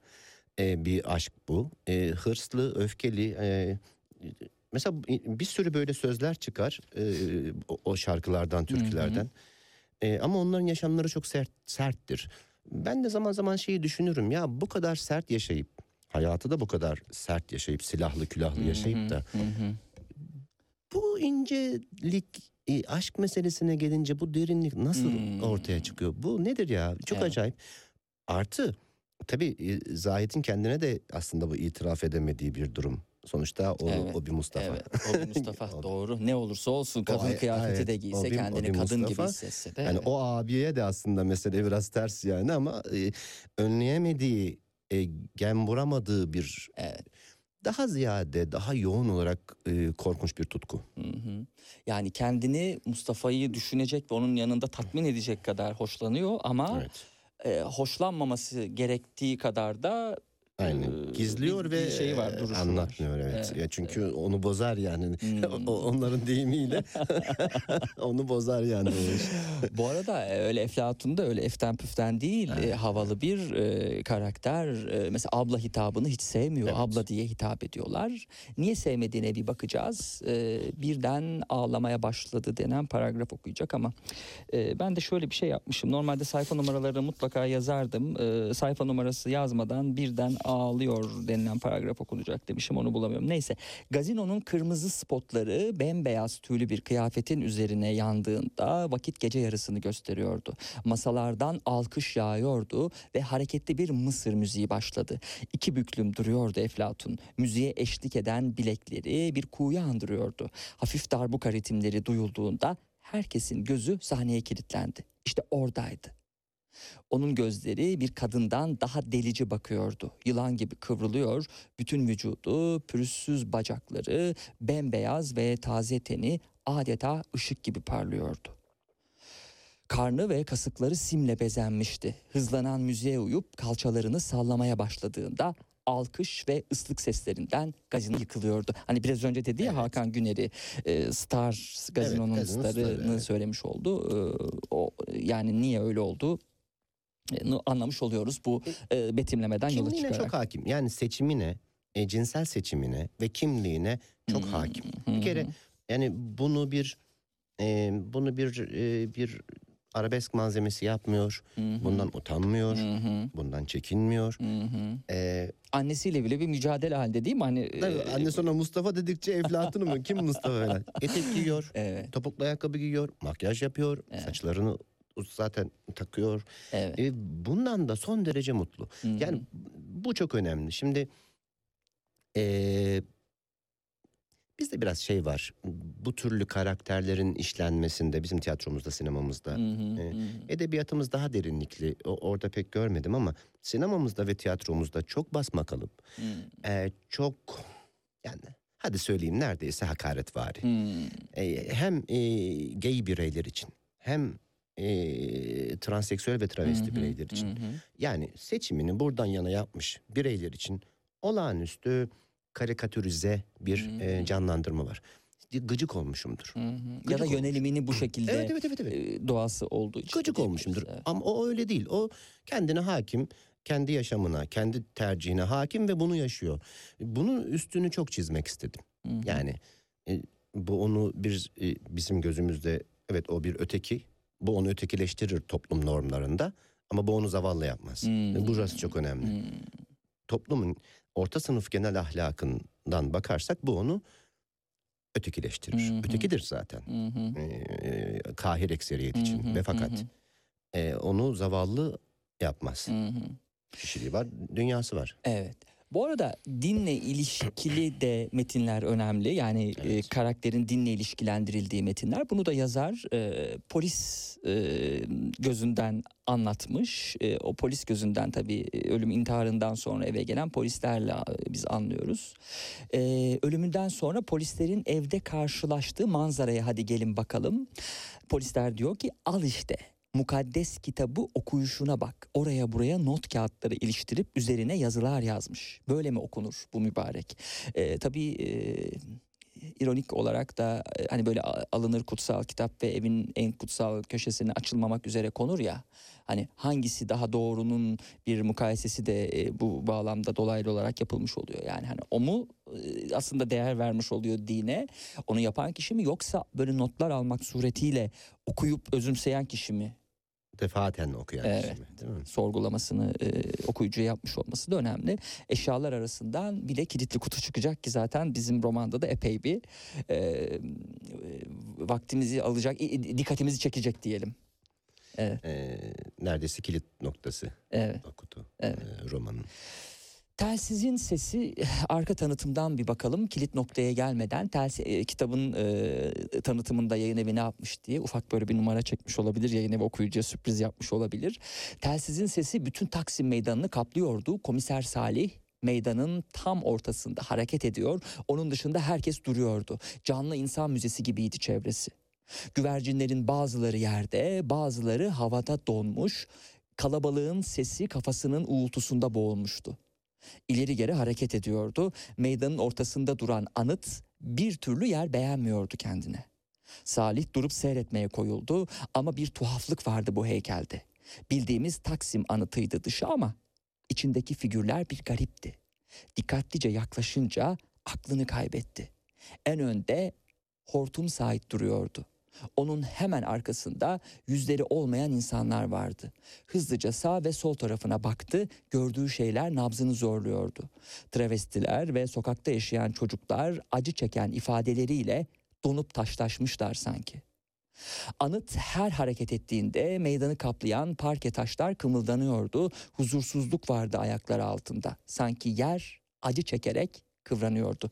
Birinin rüyasındayız. Salih'in rüyasında mıyız? Evet Salih'in, komiser Salih. Evet komiser Salih de kitapta önemli bir karakter. Ee, biraz mesafeyle başta yaklaşıyor olayla sorguluyor hani kutsal kitabın okunuşundan vesaire ama sonrasında acaba yazar bir dönüşüm yaşatacak mı yaşatmayacak mı?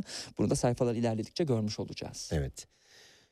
Ee, o bizim benim biraz önce başta söylediğim orta sınıf ahlak dediğimiz şeyin temsilcisi bir hı, yandan da. hı hı. Öyle bakıyor. Kendi içinde tutarlı bu arada. Hı hı, hı hı. Ee, Komiser Salih bir e, anti kahraman aslında. Ee, bir anti kahraman. Ee, haklı bulabiliriz, sevebiliriz, nefret edebiliriz. O, ben onunla ilgili bir şey hiç yapmadım. Hı hı. Yani yazarken yani Eflatun'dan yana olmadığım gibi Hı. ondan yana da olmadım. Sadece bir e, mesafeyle ikisine de e, aslında iki önemli karakter. Yani Evet, romanın iki evet. e, baş karakteri. Geçmişte yaşananın kahramanı e, Eflatun, Hı hı. günümüzde Hmm. bu meseleyi çözmeye çalışan adamsa e, Salih. Dolayısıyla iki zamanlı bir roman ve iki tane kahramanım vardı. Evet. Birisini daha çok sevip öbürüne daha mesafeli olamazdım. Hı hı. E, elimden geldiğince sadece fotoğrafı çekip bırakmak istedim. Ondan yana tavır almak, ona karşı tavır almak değil. İkisi için de geçerli. Salih'e bir bakalım tanımak için. Teşkilattaki teşkilatta evlenmeyen tek polisti.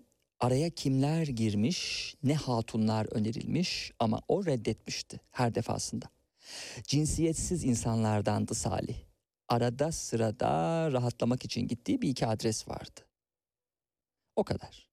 İçi kupkuruydu. Öldürülen insanlardan oluşan canlı bir mezarlıktı hayatı cinayet bilmecelerini çözdükçe daha çok vazife geliyor, geldikçe de daha çok ceset birikiyordu anılarında. Yaşama değil ölüme aitti Salih. Ölümün bilmecelerini çözmekten hayatın en basit sorunlarıyla baş edemez olmuştu. Acımasız ve kurak bir yürek sadece ölümle atıyordu. Ne kadar karmaşık olursa o kadar hızlı atıyordu diye Salih'i de tanımış olduk.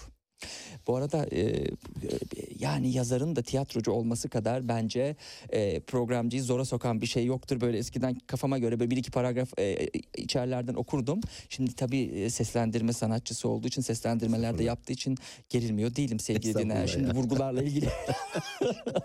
Şimdi içinden neler söylüyordur. Yok ya aman. Sağ olun. Rica ederim. Teşekkür ederim. O zaman kutuya girelim vaktimizde varken. Eyvallah, tamam. eyvallah. Çok tadını kaçırmadan böyle e, ufak tefek e, şeylerle Eflatun'un kutusundan fotoğraflar çıkacak ve her biri ayrı bir gizem içeriyor sevgili dinleyenler. E, sayfa 95 ilk fotoğrafa mesela baktığımız zaman ilk fotoğraf bir pide fırınında çekilmiştir. Eflatun bu resimde üzerinde kadın elbiseleriyle görünüyor. Yanında fırıncı Cevat duruyordu. Fotoğraf bir selfie'ydi ve akşam çekilmişti. Arkada kırmızı tuğlalı fırının üzerinde Selim ve annesinin fotoğrafları duruyordu. Önce gördüğüne bir anlam veremedi. Salih sonra arkasını çevirince yüzüne bir tokat yedi. Fotoğrafın arka yüzünde yine o ince el yazısıyla şöyle yazıyordu diyecek. Fotoğrafları yani kutudan çıkanların özelliği şu. Önü farklı, arkası farklı. İçine bakınca bir şey çıkıyor. Mesela deniyor ki e, yani hani bırak Allah aşkına ben o çocukla ne işim olabilir diyor ama kutudan detaylar çıkıyor. Arkasını çevirince de yazılar çıkıyor. Salih'i de şaşırtan, sarsan e, notlar. Kötü Neler insan, bunlar? Kötü insanlar ansiklopedisi. Evet kötü insanlar ansiklopedisi. Nitekim arkasına şöyle not almıştır o fırıncının arkasına.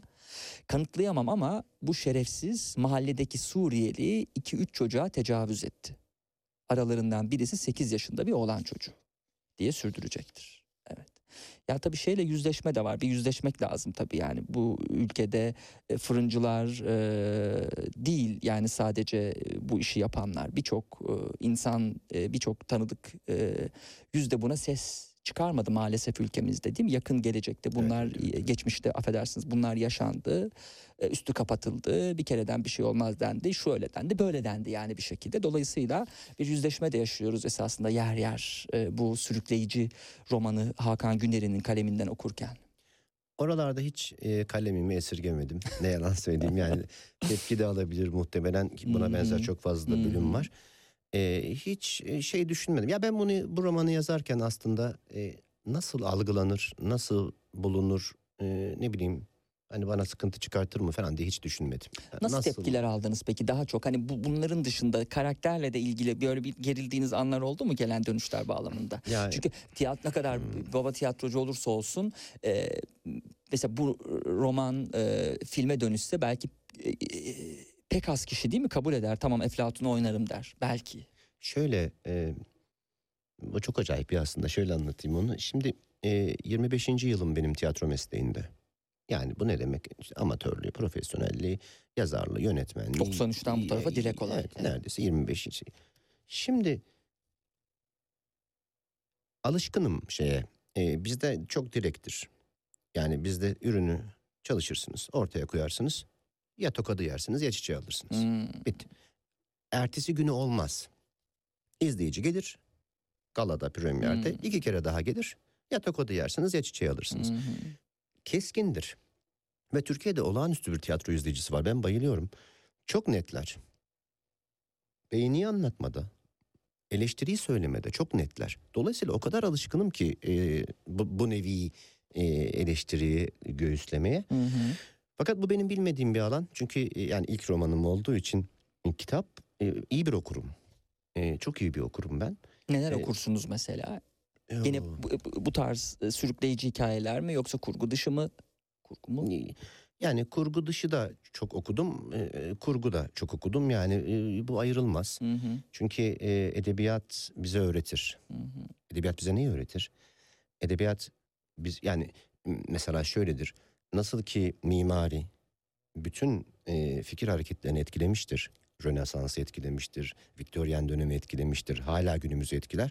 Biz bütün felsefi e, e, açılımları önce mimaride görürüz. Edebiyat da böyledir. Yani edebiyat e, çok güzel bir laf vardır onu ben severim. E, şey der e, sanatçı özünde aydın değildir. Hı. Bu yanlış bir fikirdir. Sanatçı aydın olmaz. Ve fakat sanatçı aydın yetiştirir. Yani tahrik eder, iter, rahatsız eder ve e, ya da sorun çıkartır. Maraza çıkartır yani işi budur sanatçının. Ö- e, önemi de budur. Maraza çıkartır. E, bunu kurgu dışıyla yapamazsınız. Kurgu dışı son tahlilde bir meselenin bir aydın gözünden e, bize anlatılmasıdır. Bunu okur.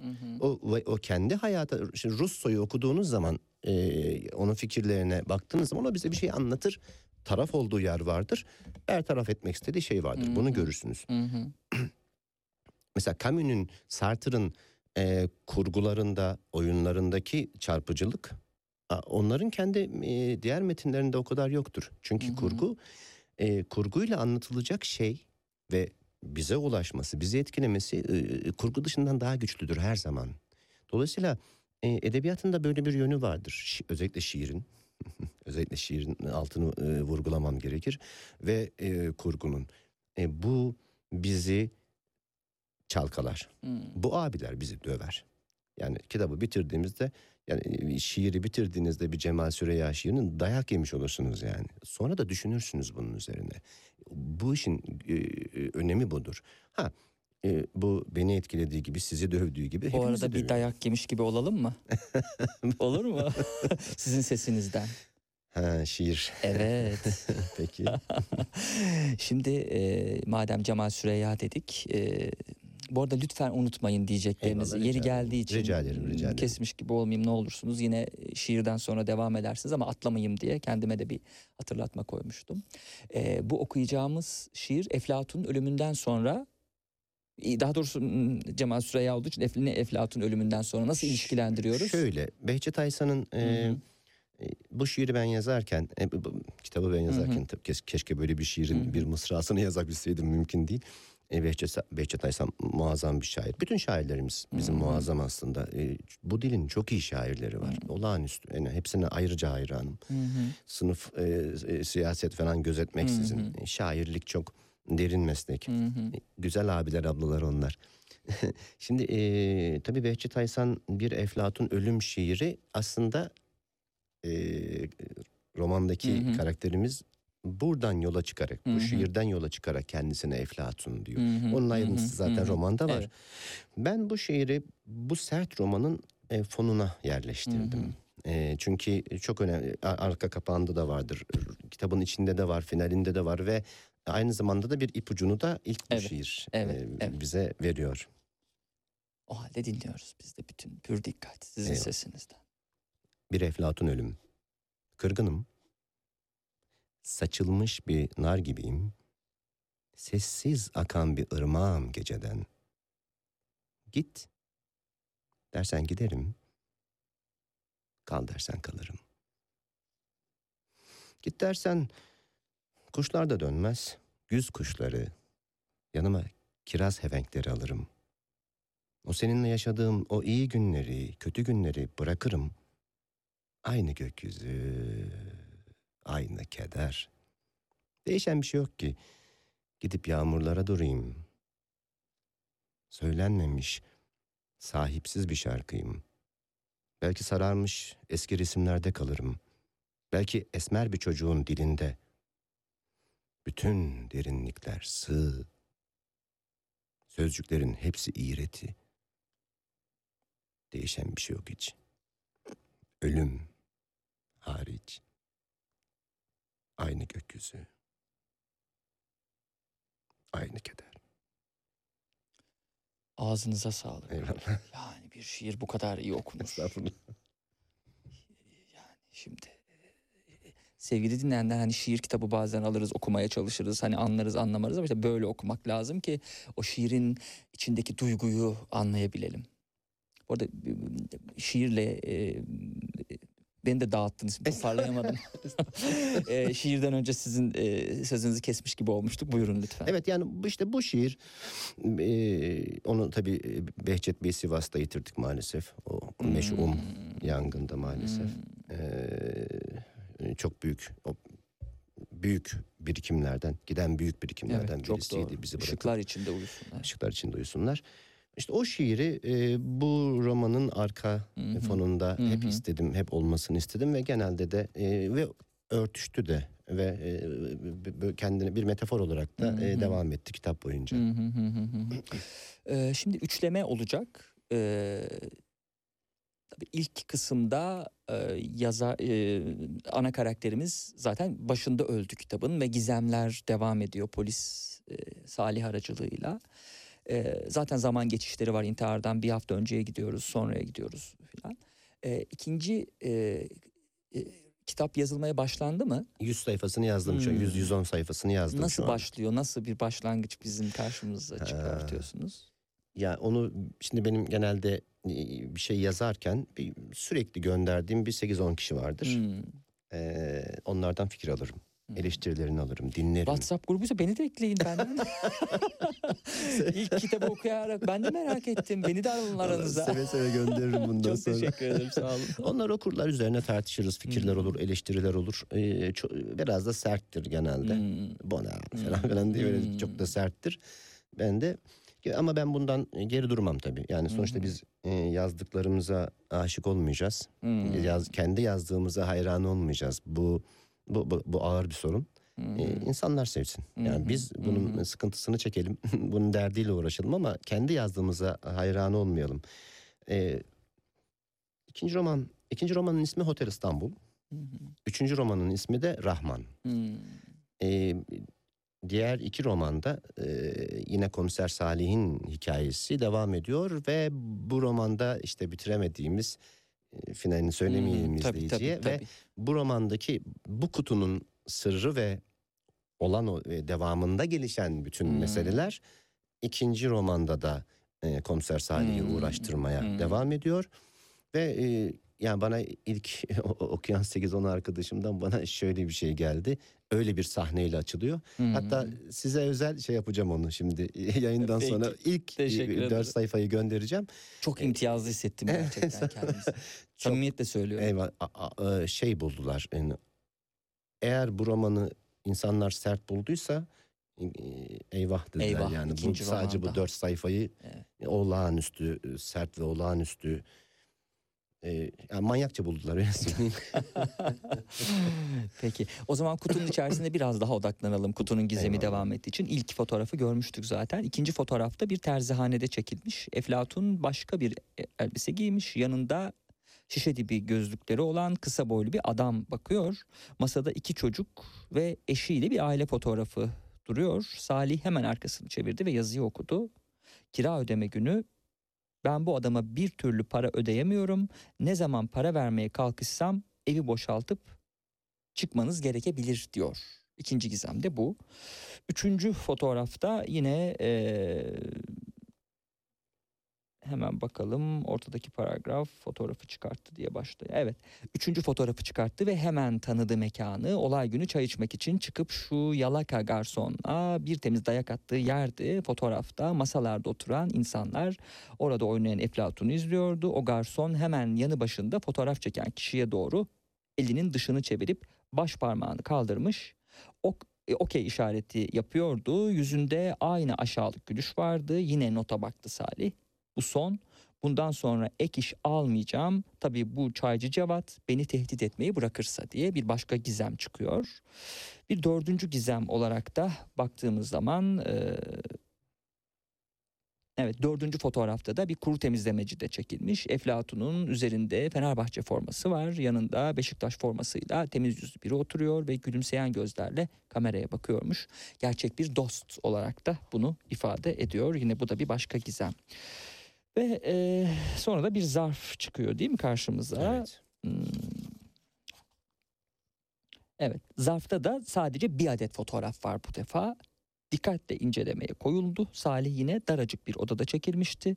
Dudağı yarık, iri yarı bir adamın masasına oturmuştu Eflatun ve adamın masasında gözleri oyulmuş bir kadın ve çocuğun fotoğrafı vardı.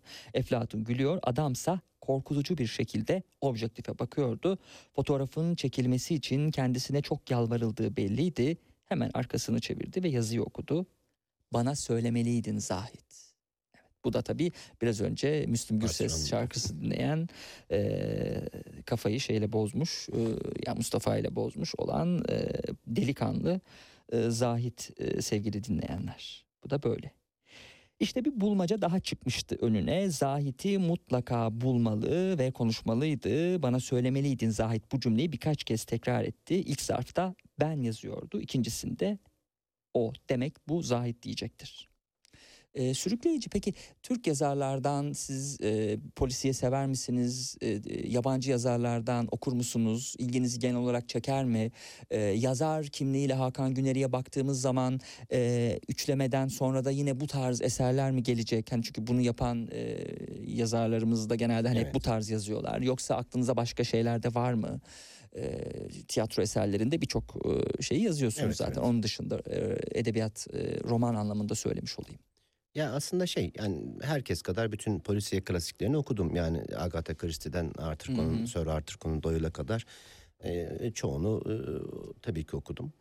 E, tabii Ahmet Ümit işte Türkiye'den de pek çok yazar tabii ki okudum. Aklımda polisiye yazmak aslında yoktu. Hmm.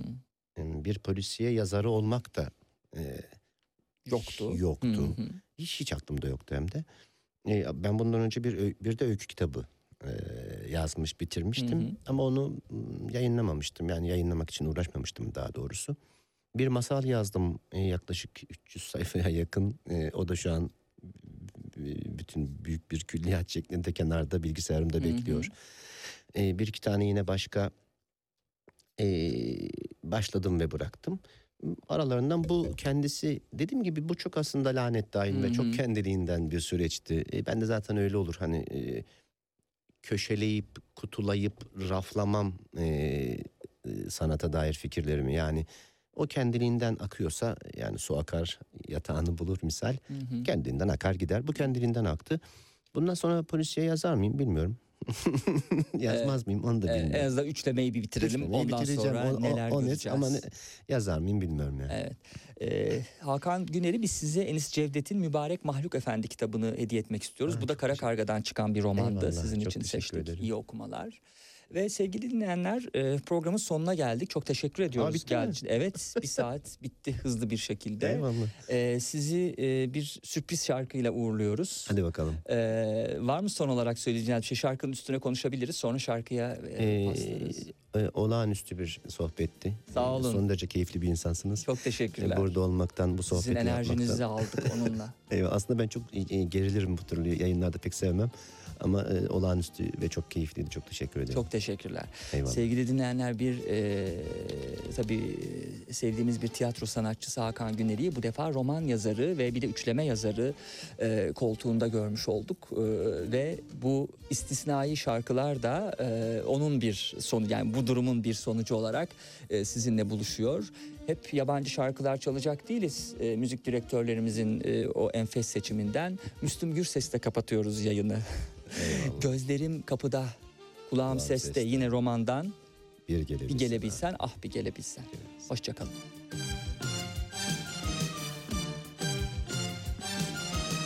Gözlerim kapıda, kulağım seste Bir gelebilsen, ah bir gelebilsen. Bu nasıl bir sevda, bu nasıl bir aşk? Bir bilebilsen, ah bir bilebilsen.